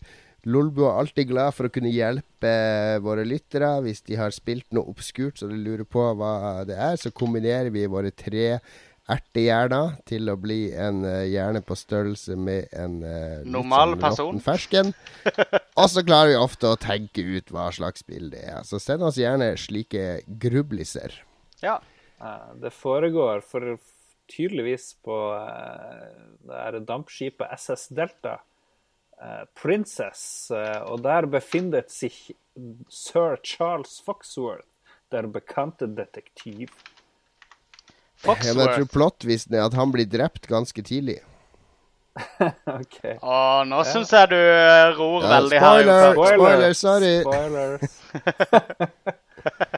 All right. Det var siste spørsmål. Oi. Hurra. Da skal vi snakke om hva vi har spilt i det siste. Vi har hatt, jeg har hatt mye tid å spille i påsken. Uh, uh, skal jeg bare begynne, siden ja, jeg er i snakkesalig humøret nå? Jeg har spilt uh, noe som Magnus òg har spilt, så det kan vi snakke om når Magnus tar sin uh, spalte, nemlig gratiskortspillet Hearthstone. Hearthstone. Men så har jeg også spilt uh, Mario Golf på 3DS-en, som kommer nå denne uka. Som er et kjempesjarmerende håndholdt golfspill. Altså, jeg liker Mine to favorittgolfspill de siste årene har vært det Hotshots Golf på PlayStation Vita. Det er et kriminelt undervurdert, superkult golfspill. Altså Mario Golf 3DS, som er kjempesjarmerende og artig, og ganske seriøst golfspill. For du kan spille sånn tullegolf med power-ups og alt mulig sånn, men du kan også spille dødsseriøs golf på seriøse baner. Når, når, er, når, er, golf dødsseriøst? ja, ja Golf er jo en seriøs pensjonistsport. Ja, det er det. Det er sant, det. Men det er, det er bra, bra, golfspill eh, satt til eh, Mario og sin eh, verden, så det har jeg kost meg mye med i påska. Men det jeg har spilt nå etter jeg kom hjem fra påskeferie, er jo Trials Fusion. Og eh, det har du òg spilt, eh, Lars. Ja, det er jo Jeg så deg ikke på high school-lista i går. Nei, jeg har mista nett her store deler av påska av en eller annen grunn. Mista nett, ja. Det er en vanlig unnskyldning man yes. hører når det er leaderboards involvert. ja, det, jeg er ikke så bekymra for deg. Jeg er mer bekymra for hvem Tore. Har han fått seg spille? Tore jeg tror jeg ikke har oppdaga det ennå, men hvis han hører denne podkasten, så er det vel en viss farge For han har gått litt sånn spillei for tida, så kanskje han holder seg unna, så at vi slipper å se det der spionen spion øverst på alle listen. Jo, men han varsla om at han lasta det ned på Xbox 360, men jeg sa at han måtte jo komme seg på PS4. Men da har han ikke cross, gjort det. Det er cross-plattform, de listene, er det ikke det? Nei, det vet jeg ikke. Hvis du ikke har sett det, så er det ikke det, altså. Men ja, ja. Nei, eh, det er, jeg er ikke like gira som før, og har kanskje ikke hatt så mye tid som jeg burde, men det er jo veldig bra. Det der eh, Hva det heter oppskrifta med å kunne se med en gang hvor du ligger an i forhold til de andre, er jo min favoritteknikk, eller favorittmekanikk i spill uh, noensinne. Nå har jeg gått litt glipp av det, da, selvfølgelig. Men når jeg får logga meg på, så skal vi se hvor, hvor, jeg ligger an i forhold til det. Ja. Men det er jo blitt mye sånn der uh, fyll og, og, Hva skal du si Staffasje mye eksplosjoner og ting som skjer, og plattformer som flytter seg og beveger seg og kommer inn og ut. og ja, gjør det spillet. Bedre, Nei, jeg liker nok den første best fremdeles, altså. Bare vanlige trials. Det gjør jeg. Men det funker bra, det her. da. Det ser jo veldig bra ut. og ja, Nei da, jeg liker det. Anbefales for absolutt alle Trials Fusion. Hva det heter på mobile plattformer? Trials et eller annet. Heter det det samme? Det har jo ja, det ned et eller annet, annet trials, men den versjonen er ganske crappy, for der får du sånn paywall etter et par timer. Ja, nei, jeg har ikke lasta det ned, men uh, det har blitt lasta ned seks millioner ganger. Og det er jo imponerende. Decent. Si det sånn. Ja, det er decent. Jeg har ikke testa det ennå. Det, ser dritfett ut. Men ja, jeg, det er mitt inntrykk òg, at de har tatt litt av på liksom bells and whistles. og at det egentlig er kjernegameplayet som fremdeles er stjerna i spillet. Kjernegameplayet er der fortsatt, men uh, det, det, er litt sånn uh, um, overdose av effekter, føler jeg kanskje. Altså, det, er, er et spill som starta inn i et lager der du bare hadde tønner og stokker og, og sånne naturlige hinder du skulle kjøre over, ikke sant? Og så mm. nå er det blitt helt uh, out of this world. Altså det, det, er ganske absurde greier, egentlig, når du tenker etter hva du kjører der. Ja, men jeg likte godt ja. at du kan kjøre ATV. Det var morsomt. Det er jo akkurat som å kjøre motorsykkel, da, men det føles mye mer robust. ja. Nei, det er vanskelig å klage på det her spillet. Da. Det er tusen ganger bedre enn nesten alle andre spill, uansett om de fyller inn staffasje og bullshit. Det å kunne liksom sette seg ned og knalle inn gassen og drive og lene seg frem og tilbake og pønske ut hva er den raskeste ruta frem og tilbake. Det er ufattelig deilig, egentlig. Men, men er det ikke sånn der eh, stunt-mission uh, lenger? For før så var det masse sånne ekstrakjøringer der du skulle kjøre inn i en ball, og du skulle kjøre opp på en ball. Og... Det har ikke kommet til noen sånne brett Det har vært ett der jeg liksom ikke får lov å lene meg. Så har det vært ett sånn skihopp der du skal hoppe av sykkelen og fly lengst mulig etterpå. Jeg føler det er mindre sånn der eh, tullebrett. Det, men jeg spilte ikke de her tullegreiene så mye. Det er jo hovedgreia. Hovedgreia er tingen, altså. OK. hovedgreia er tingen. Var det klart nok? klart, klart, og tydelig leste jeg dine signaler. Nei, men eh, det er et kult, uh, kult spill. Uh, best på PS4, er det ikke det de sier nok en gang? Ja, det er Eller på PC, for de som ønsker å spille det der. Best på PC. Ja, spill det uansett hvor du vil, sier jeg bare. Spill det uansett, Lars. Hva, du som sitter der oppe uten nett, hva har du kost deg med da?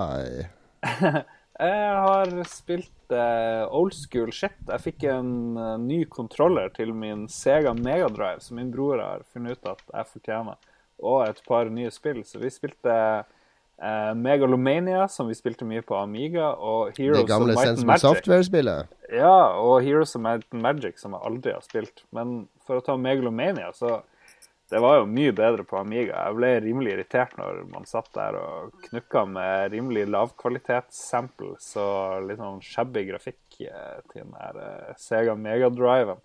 Men uh, det funka bra. Det, det er sånn gudespill med, med der du skal ta andre sivilisasjoner og Ja, du, du, skal researche tech, og du skal utstyre borgen din med soldater, og du skal oppgradere soldatene dine, og så kan du teleportere inn i andre områder for å angripe dem og sine greier.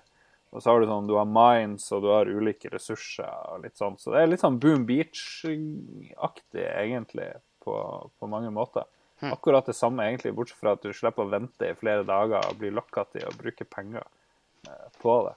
Men eh, det funker veldig bra. Men interface er ille. Men det som er mest ille interface har skjedd, er jo det her Heroes of Might and Magic. Som Herre Jesus Kristus. Eh, du har, du har masse options. Blant annet så kan du, når du er i kamp, så kan du velge å fight, eller du kan velge attack. Og vi skjønte aldri hva forskjellen på fight og attack var, f.eks. Uh, er det Heroes of Might and Magic, eller er det Might and Magic? Det er, jeg tror det er Heroes of Might and Magic. Er det, liksom, det er det helt sånn første. Det er der du bygger ut en by, og så utforsker du et kart, og så finner du skatter og fiender og Ja, det er ikke det der eh, Det er ikke den nye greia hvor det er sånn du bare plasserer ut troppene dine her og der. Det her er førstepersons du går rundt og Ja, Men det er Might and Magic. Og... Ja, OK, da. Okay, ja. da. Jeg, har, jeg har coveret borte et sted. Da. Det, men det var utrolig kult å få spille, og utrolig kult å begynne å spille det. Men etter at vi hadde Du får lov å rulle terninger når du lager karakterer. Du skal vel ha med deg en fire stykk, tror jeg. Eh, eller fem-seks, eller hva det er. Så du får lov å liksom rulle og rulle og rulle terninger. Og til slutt så kan du få sånn 20 på alle stats hvis du sitter og venter på, på alt. Og så alt etter statene dine så får du lov å velge klasse, om du skal være archer eller cleric eller uh, knight eller whatever. Men det der interfacet Herre Jesus Kristus, hvordan klarte vi å spille spill før i tida, eh, egentlig? Det var jo så ufattelig dårlig, hele greia. Ja. Så eh, vi ble litt lei, men heldigvis så krasja hele Super eh, eller Sega Megadriven min. Og den får jeg ikke på igjen nå, så jeg vet ikke. Hvordan, hvordan fikser man en Sega Megadrive? er det noen som har noen gode tips? Har du ødelagt megadriven din? Jeg vet ikke. Den vil ikke skru seg på. Jeg får ikke i gang Sonic eller Jeg har Virtua Fighter òg. Liksom ha Virtua Fighter-turnering og greier, men det, det, det, er, det, er, bare brems. Det er nok Might and Magic 1 eller 2 du har spilt. Det var nok én av Det sto ikke noe to der i det hele tatt. Så, ja, ja. Men eh, takk til min bror som har skaffa meg masse awesome retrospill, men min Sega Megadrive, den trenger healing for å si det sånn. Men så for eksempel når du er hos healeren, når du er hos han der fyren, og så, skal, så, har alle personene hver sin gull, ikke sant? så du kan ikke bare OK, jeg skal heale han. Nei, vi må pule gullet liksom sammen. det, det, er ikke lov å si pule gullet. Det. Hva betyr det? Jeg, jeg, er ikke rapper, så jeg puler ikke gullet. Aldri pult gull i det hele tatt. det var det er ja, sånn her... Nei, så det er mye sånn forvirrende seksuelle referanser der som jeg ikke skjønte for å si det sånn. Jeg skjønner hva du mener, men det er jo det disse gamle hardcore-RPG-erne savner jo. All denne flisespikkinga som de mente mm. var en del av opplevelsen. Ja, men det var mye, mye drit. Og så er det sånn automat-funksjon, og det kartet funker ikke i det hele tatt. Men jeg begynner, å, lue, jeg begynner å tvile på Sega Megadrive-opplegget. Jeg tror det var en drittmaskin. Jeg vet ikke. Er det, er det noen som var ei den? Jeg har en stående i skapet, men jeg har ikke brukt den mye. Det er mest å spille Splatterhouse. ja, og, vi fikk, og den døde før vi fikk spilt Golden Axe, til og med. Så fuck oh, var, men uh, apropos flisespikking, når jeg, jeg er jo dungeon master for min, uh, mine venners uh, Dungeons and Dragons 40-års krisegruppe. Og der har jeg en sånn naziregel på at der skal det heales og følges healeregler. Så hver gang de har vært i kamp og alle skader de skal til leir, så sitter kleriken og triller terning til den store gullmedaljen, og de andre sitter og bruker heal-skillene sine for å patche én og to hitpoints hver natt og notere ned. Og det gir meg en flott sånn pause på seks-syv minutter der jeg kan sitte og slappe litt av mens de sitter og flisespikker all statistikken sin. Du går så, ikke på do og skriver neste kapittel i? Da. Det er ikke det som skjer. Ikke avslør mine, mine hemmelige eh, Dungeon Master-teknikker. Takk. Marius, da, hva, du som ikke har eh, Du som hadde låst inn skolebøkene dine med en feiltagelse på skolen. Hva, hva, i all verden kunne du da finne på å fordrive dagene med når du ikke kunne gjøre lekser? Jeg har uh, begynt med heroin. Nei da. Jeg har begynt med Hearthoween, kan vi kalle det. Uh, Hearthstone. Det kortspillet fra uh, Blizzard. Som ja. nylig ble sluppet til iPad. Og eksisterte en stund både i eh, beta og eh, offisielt på, på PC. det er en knockoff av Magic the Gathering, og akkurat som World of Warcraft så er det en mye mer casual innstilling til hele greia. Så det er lettfattelig, lett å forstå, en god del dybde og veldig trivelig og gjennomført verden. Um, og veldig solid håndverk som alt egentlig Blizzard uh, har en tendens til å slippe. Utrolig flott spill. Det er det jeg har spilt mest i påske. Jeg er òg utrolig imponert over eh, det spillet, altså. Ja, eh, Da du sa det kom på eh, iPad, så oppretta jeg en New Zealand Eller at det var sluppet Det var jo sånn soft-launcha i New Zealand. Ja, ja. Så da oppretta jeg en New Zealand-konto på du iTunes. Ikke det, for du, bare, du kan bare skifte land. Det er bare at du må ikke Kan du gjøre det nei til kredittkort. Og så kan du skifte tilbake når du har lasta det ah, ned. Så lett nå. Ja ja. Det tok meg tre minutter. OK, OK, ok. Ikke si det til noen. Ja, Men du, du fikk lasta det ned fra New Zealand? Ja, eh, og jeg spilte det jo i beta på PC. Og da var jeg ikke så eh, fascinert av det. Jeg drev og spilte en del andre spill, og det var kanskje ikke det viktigste i verden å sitte og spille kortspill på PC-en. Men da jeg fikk det på iPad, så fikk uh, fløyta en annen lyd. Jeg er superhooked på det. Jeg, jeg, ja, det hører helt naturlig hjemme på iPad. Ja, jeg, jeg, går til og med hører på Jeg går og hører på podcaster om Heartstone, og jeg driver og leser om decks og strategier og sånn. og Hvor mye packs har du kjøpt? Booster ikke mange. Jeg, har, jeg, kjøpte noen i begynnelsen for å sjekke, for å sjekke den drop-raten på Det gjorde jeg òg. Jeg har kjøpt, noen. Jeg har kjøpt fem packs eller noe sånt, tror jeg. Uh, jeg har kjøpt 20, 20 packs eller noe sånt. Å oh, ja, du har det, ja. ja nei, men jeg oppdaga at hvis du, hvis du, går inn i Arena, så har du muligheten Da må du ha 150 gull, eller å betale sånn 12 kroner eller noe. Hvis du gjør det, du gjør det eh, greit der, der er det sånn at eh, det er helt like forutsetninger. da. Du bruker ikke de kortene du har samla opp, ja, ja, ja. men du må velge fra et ferdig eh, utgangspunkt. Eh, da har du veldig lett muligheten til å tjene opp igjen de pengene du har brukt for å være med i arena. da. Så på den måten mm. kan du bygge det opp ganske raskt. Uh, men nå bytter jeg litt mellom PC og iPad, egentlig. Uh, det er litt smått på iPad-versjonen, skal jeg innrømme. Og det loader litt mye. Tar litt lang tid å bli para opp med kamper og sånn. Men bortsett fra det så er det full loving. Jeg digger det spillet. Ja, det er dødsbra. Det er free to play uh, done uh, right. Det gjør meg ingenting å kjøpe de. De har gjort det så deilig å åpne de pakka nå når jeg kjøper de. Ja, de er... Når du har Den pakken ligger liksom til venstre der, og så må du dra den med fingeren inn i midten der, og så rister den, og så kommer den liksom ut av skjermen i sånn 3D-effekt, og så bare puff, og så ligger det fem kort. så må du snu det Ja, så må du snu ett og ett kort. Og så hvis det er et sånn rear-kort, så rister det litt før det snur seg. Og når du ser det ristige kortet, bare uh, Og så roper de. Roper de Rare! og så får du kanskje et som er i gull. Og har du sett at gullkortene ja. har animasjoner i bildene? Mm. Ja, riktig. riktig. Ah, det er Men, så gjennomført. Det er utrolig kult. Når jeg satt på hytta, satt på hytta og spilte på iPaden um, mens ungene har sulta i hjel rundt meg. Jeg må bare bli ferdig med kampen. Hadde du internett ja, på hytta? Kan du ikke hente eplejus til meg nå, pappa? Nei! Jeg spiller online! jeg trodde ikke du hadde internett på hytta, Jon Cato. Jo, vi har et veldig dårlig sånn ice-nett som jeg la beslag på de, før de andre hadde stått opp. Ja, så det holder, altså. Jeg, for det, det, er mitt ankepunkt med hele greia. Er, er kravet om internett. Det syns jeg er en tullete ting å ha på et iPad-spill.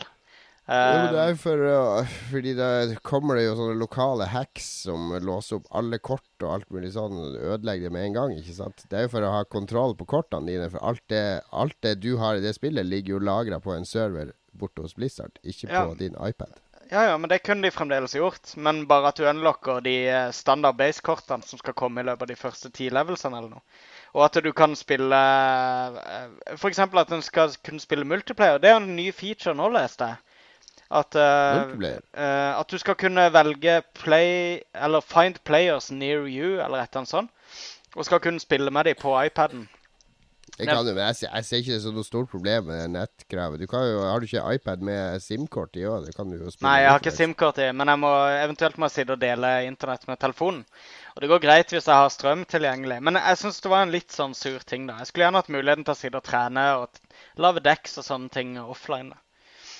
Jeg og eh. Magnus sitt lag der, og, men jeg har ikke prøvd det her. Men det høres farlig ut. Det høres ut som en uh, ja, det er veldig sånn avslappende farlig, fordi ja. kampene varer jo ikke mer enn eh, fra Kvarter. fire til ti minutter, ikke sant? Så, men det er sånn én kamp til, én kamp til. Men det, det, er veldig deilig, utrolig deilig spill. Det kommer nok til å komme høyt opp på, på spillet hvis hvis Blizzard lager sånn Steam-statistikk, så kommer nok det til å komme ja. høyt opp la med mm. Starcraft og en, de andre.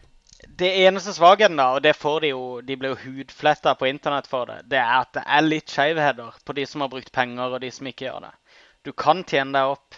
Altså Hvis det kommer inn noe sånn superkort, og du spiller med Og du ikke har brukt noe særlig penger, så, så får du lett juling. Altså hvis du møter feil folk som har spandert eh, en tusenlapp eller noe i spillet. Og eh, Jeg vet ikke hvor mye det går an å gjøre med det, men det er et problem, syns jeg. At, eh, at, det er mulig å kjøpe seg litt opp og frem. Ja, men jeg føler at det er balansert litt sånn at det OK, hvis du bruker la oss si 200-300 kroner på kort, så, så, jeg føler ikke at jeg trenger å kjøpe flere kort nå, for nå har jeg ganske sånn grunnleggende bra kort til eh, de klassene jeg liker å spille. Som er, som er, nok kort at jeg kan leke meg med forskjellige taktikker og lage litt forskjellige dekks til samme klasse, ja. som baserer seg på ulike teknikker. så, men å kreve Altså, de skal jo ha penger for spillet, ikke sant? Så at jeg gir Ja. Med de gode free to play-spillene så har jeg ingen problem med å gi de noen hundrelapper som Det er bra spill, jeg vil gjerne ha de tingene her. Men jeg må føle at, at det ikke hele tida er et krav om at jeg må gi mer og mer og mer. Og det føler jeg at jeg har nådd nå, for jeg har kjøpt en 20 booster packs, og jeg har en del gode kort å spille med nå. Og jeg kan tjene meg flere gode kort ved å spille med de jeg har. Ja, og crafte nye. Jeg vet ikke om du har prøvd det. Ja, crafte kan man òg gjøre, så det går, det går også an. Men da, det, det krever ganske mye kort før, du, før Ja, det lønner seg å crafte. Det syns jeg godt de kan eh, gjøre litt snillere, muligens. Men Jeg har altså breaking news her, forresten. Ja. Ja. Hvis jeg får lov å avbryte Hearthstone-greia. En som heter Chris L, sier på YouTube til oss at han nettopp har sendt e-post til patentkontoret og trademarka Konbua. Så eh, akkurat den planen der går rett til helvete. Altså. Det, vi må finne et nytt navn, dessverre. Jeg lurer er på hva som står i den e-mailen. Hei, jeg vil gjerne registrere Konbua. Jeg har Det allerede er svart i- han. info, Fuck deg. info at patentkontoret.com. Jeg har allerede svart fuck deg til han, men det er mulig vi kan forhandle og kjøpe, kjøpe greiene. Ja. Men ja, er vi, er vi ferdig med, med Hearthstone? Jeg kom Ja, bare vi på kunne et- hatt en hel sending om Heartstone med Magnus, tror jeg. Men Ja, eh, ja, ja. Men det er Ja, gjerne men sånn. jeg skal, Men, eh, jeg jeg- skal laste det ned. Det som er greia, det er, og det er litt samme greia med World of Warcraft og sånne ting òg. Folk er så redd for det. Fordi at Å nei, jeg er så redd for å bli avhengig av det. Sånn. Men det er jo fordi det er gruelig gøy, da. Og fordi du har lyst til å gjøre det i stedet for å gjøre noe annet. Det betyr vel bare at det er gøyere enn det andre du driver med. Så mm. Eh, det er trygt å prøve det. Og så sant du har et OK liv som, hvor det skjer uh, gøyale ting, så, så kommer du til å opp, oppsøke de òg. Jeg lover, Lars. Men du burde prøve det. Ja, Ja. ja. eh, Prøv det, jeg- Lars. Jeg begynner å bli lei av Boom Beach, så da må jeg ha noe annet å kjøre på med. anbefaler deg å prøve det. Absolutely. Ja vel, hvor vi ligger an i sendinga? Er vi, eh, har Ja, vi er fått vi ut det vi kommet skal få ut til, nå etter eh, påskeferien? Veis ende, tror jeg.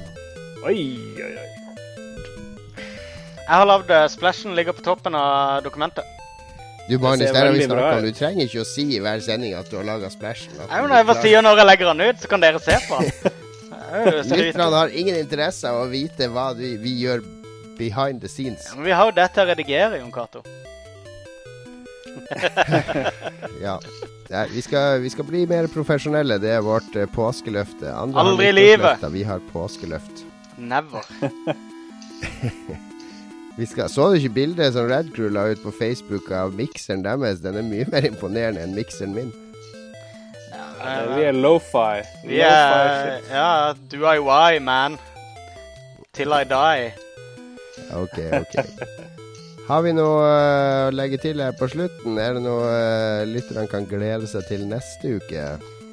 Nei, jeg vet ikke, men vi har vært veldig flinke til å ta med YouTube-kommentarer i dag, så jeg føler at uh, vi skal følge enda mer nøye med neste gang. Ja. Så hvis folk følger live med, så må de bare si fra hva de tenker på. Så kjører vi på. Og, og, vi lover også at Du, vi må velge tema for musikkonkurransen til neste uke, Lars. Uh, jeg har jo to sanger klare her, så det er bare å Du kan bare velge. I rettferdighetens navn så bør det være ei Gameboy-låt. For det at eh, Jeg syns også du noe tvetydig eh, nevnte eh, Greit, greit. det, greit. det Vi du kjører sa på. Facebook, kunne oppfattes som at det var en konkurranse. Vi Ja, kjører nettopp. Gameboy-låt. Det er Ja. helt i orden. Jeg er med på den. Vi begynner å få litt sanger nå. Eh, konkurransen er tilbake neste uke, altså. Eh, Lars og Magnus har ingenting å friste med. Jeg kan friste med at jeg skal fortelle alt om hva jeg gjorde i København i morgen neste uke. Jeg skal også avsløre hvordan det gikk med meg under den eh, fantastiske Netrunner-turneringa. Jeg skal være med på på Outland på søndag. Mye å glede seg til neste uke, med andre ord. Du, det må vi ned og filme. Det må vi ha livedekning av, Jon Cato. Ingen filming på Outland. Det står eh, vi på inngangsdøra. Ja, men jeg kjenner han ene som jobber der, så det kan vi ordne. Du, jeg, jeg var jo, når vi jobba i spill.no, så var jeg jo på eh, Det var jo dekt eh, Adam i Pokémon. altså Pokémon Ja. trading card. Og da var vi og filma videoreportasje, jeg og Lisa, og da fikk jeg jo mail fra den ene duden som satt i bakgrunnen på et av oppdragene. Kan du eh, fjerne meg fra den filmen? Da sier jeg du, du sitter langt bak og spiller spill. Ja, men det går an å se at det er meg. Jeg skal ikke være med på en sånn Pokémon-film. Jeg har kollegaer på jobben og sånn som kan oppdage det. Da burde du ikke være med i Pokémon NM, hvis du er så flau over det. Helt enig. Nei, men jeg er ikke flau over det. Kom gjerne og film meg på nettrunner-turneringa. Jeg kommer med mobilen. Mine nettrunner-venner. Mine ekte venner. Uh, ja, det. var godt å være tilbake etter påsken. da. Det har vært lang ja, pause her, Før, da. Nei, det har vært ei ukes pause. Ja, det, det har bare vært en ukes pause. det er for lenge. Det er for lenge med ei uke. Ja. Vi lover masse spennende innhold neste uke, altså. Uh, vi får finne noen som fyller 26, så vi kan matche det til episodetallet. Følg oss på Twitter, uh, krøllalfa lolbua. Uh, Lars, kanskje du skal prøve å lage en Facebook-gruppe for Lolbua? Oi, oi. Ja, det høres bra ut. Du er jo en innlysende YouTube-kanal òg, og så videre. Men ja. Jeg vil si og la... nettside. La... Vi kan begynne med Facebook-gruppa. Det kan vi gjøre. Fint å begynne med Facebook. Ja. Så kan vi videreutvikle nettsida etter hvert. Vi har domene. Lars er en eh, innlysende uh, community manager, syns jeg, i Lolbua. Ja, Lars er community manager, så det er hans jobb å ta seg av Facebook-sida. ja, men det er greit. Og der gikk det, der gikk det fra gøy til bare, til bare stress. Følg oss på Twitter, at Lolbua. Følg med på Facebook. Der dukker Lolbua plutselig opp ganske snart i snarlig fremtid, når Lars får fingeren ut. Du Har du jury følge... duty, Jon, forresten? Hva, kan... Hva sa du? Har du jury duty? Du skrev det på Google. Ja, det er et, et, et, lite hint om hva jeg skal gjøre i morgen i Danmark. Oi, du skal spille Tetris? Ja, jeg har noe med jury å gjøre. Du kan også følge alle oss eh, enkeltpersoner på Twitter. Jeg heter Fleksnes. Magnus heter Magnus Tellefsen. Og Lars heter Lars Rolsen. Følg oss også på hjemmesida vår, lolbua.no. Der ligger alle gamle, tidligere podkast. Der er masse svader å høre på for deg som har veldig lite å finne på på fritida. Inntil da så lover vi en ny episode neste uke. Ha det bra inntil da. Ha det bra. Ha det bra.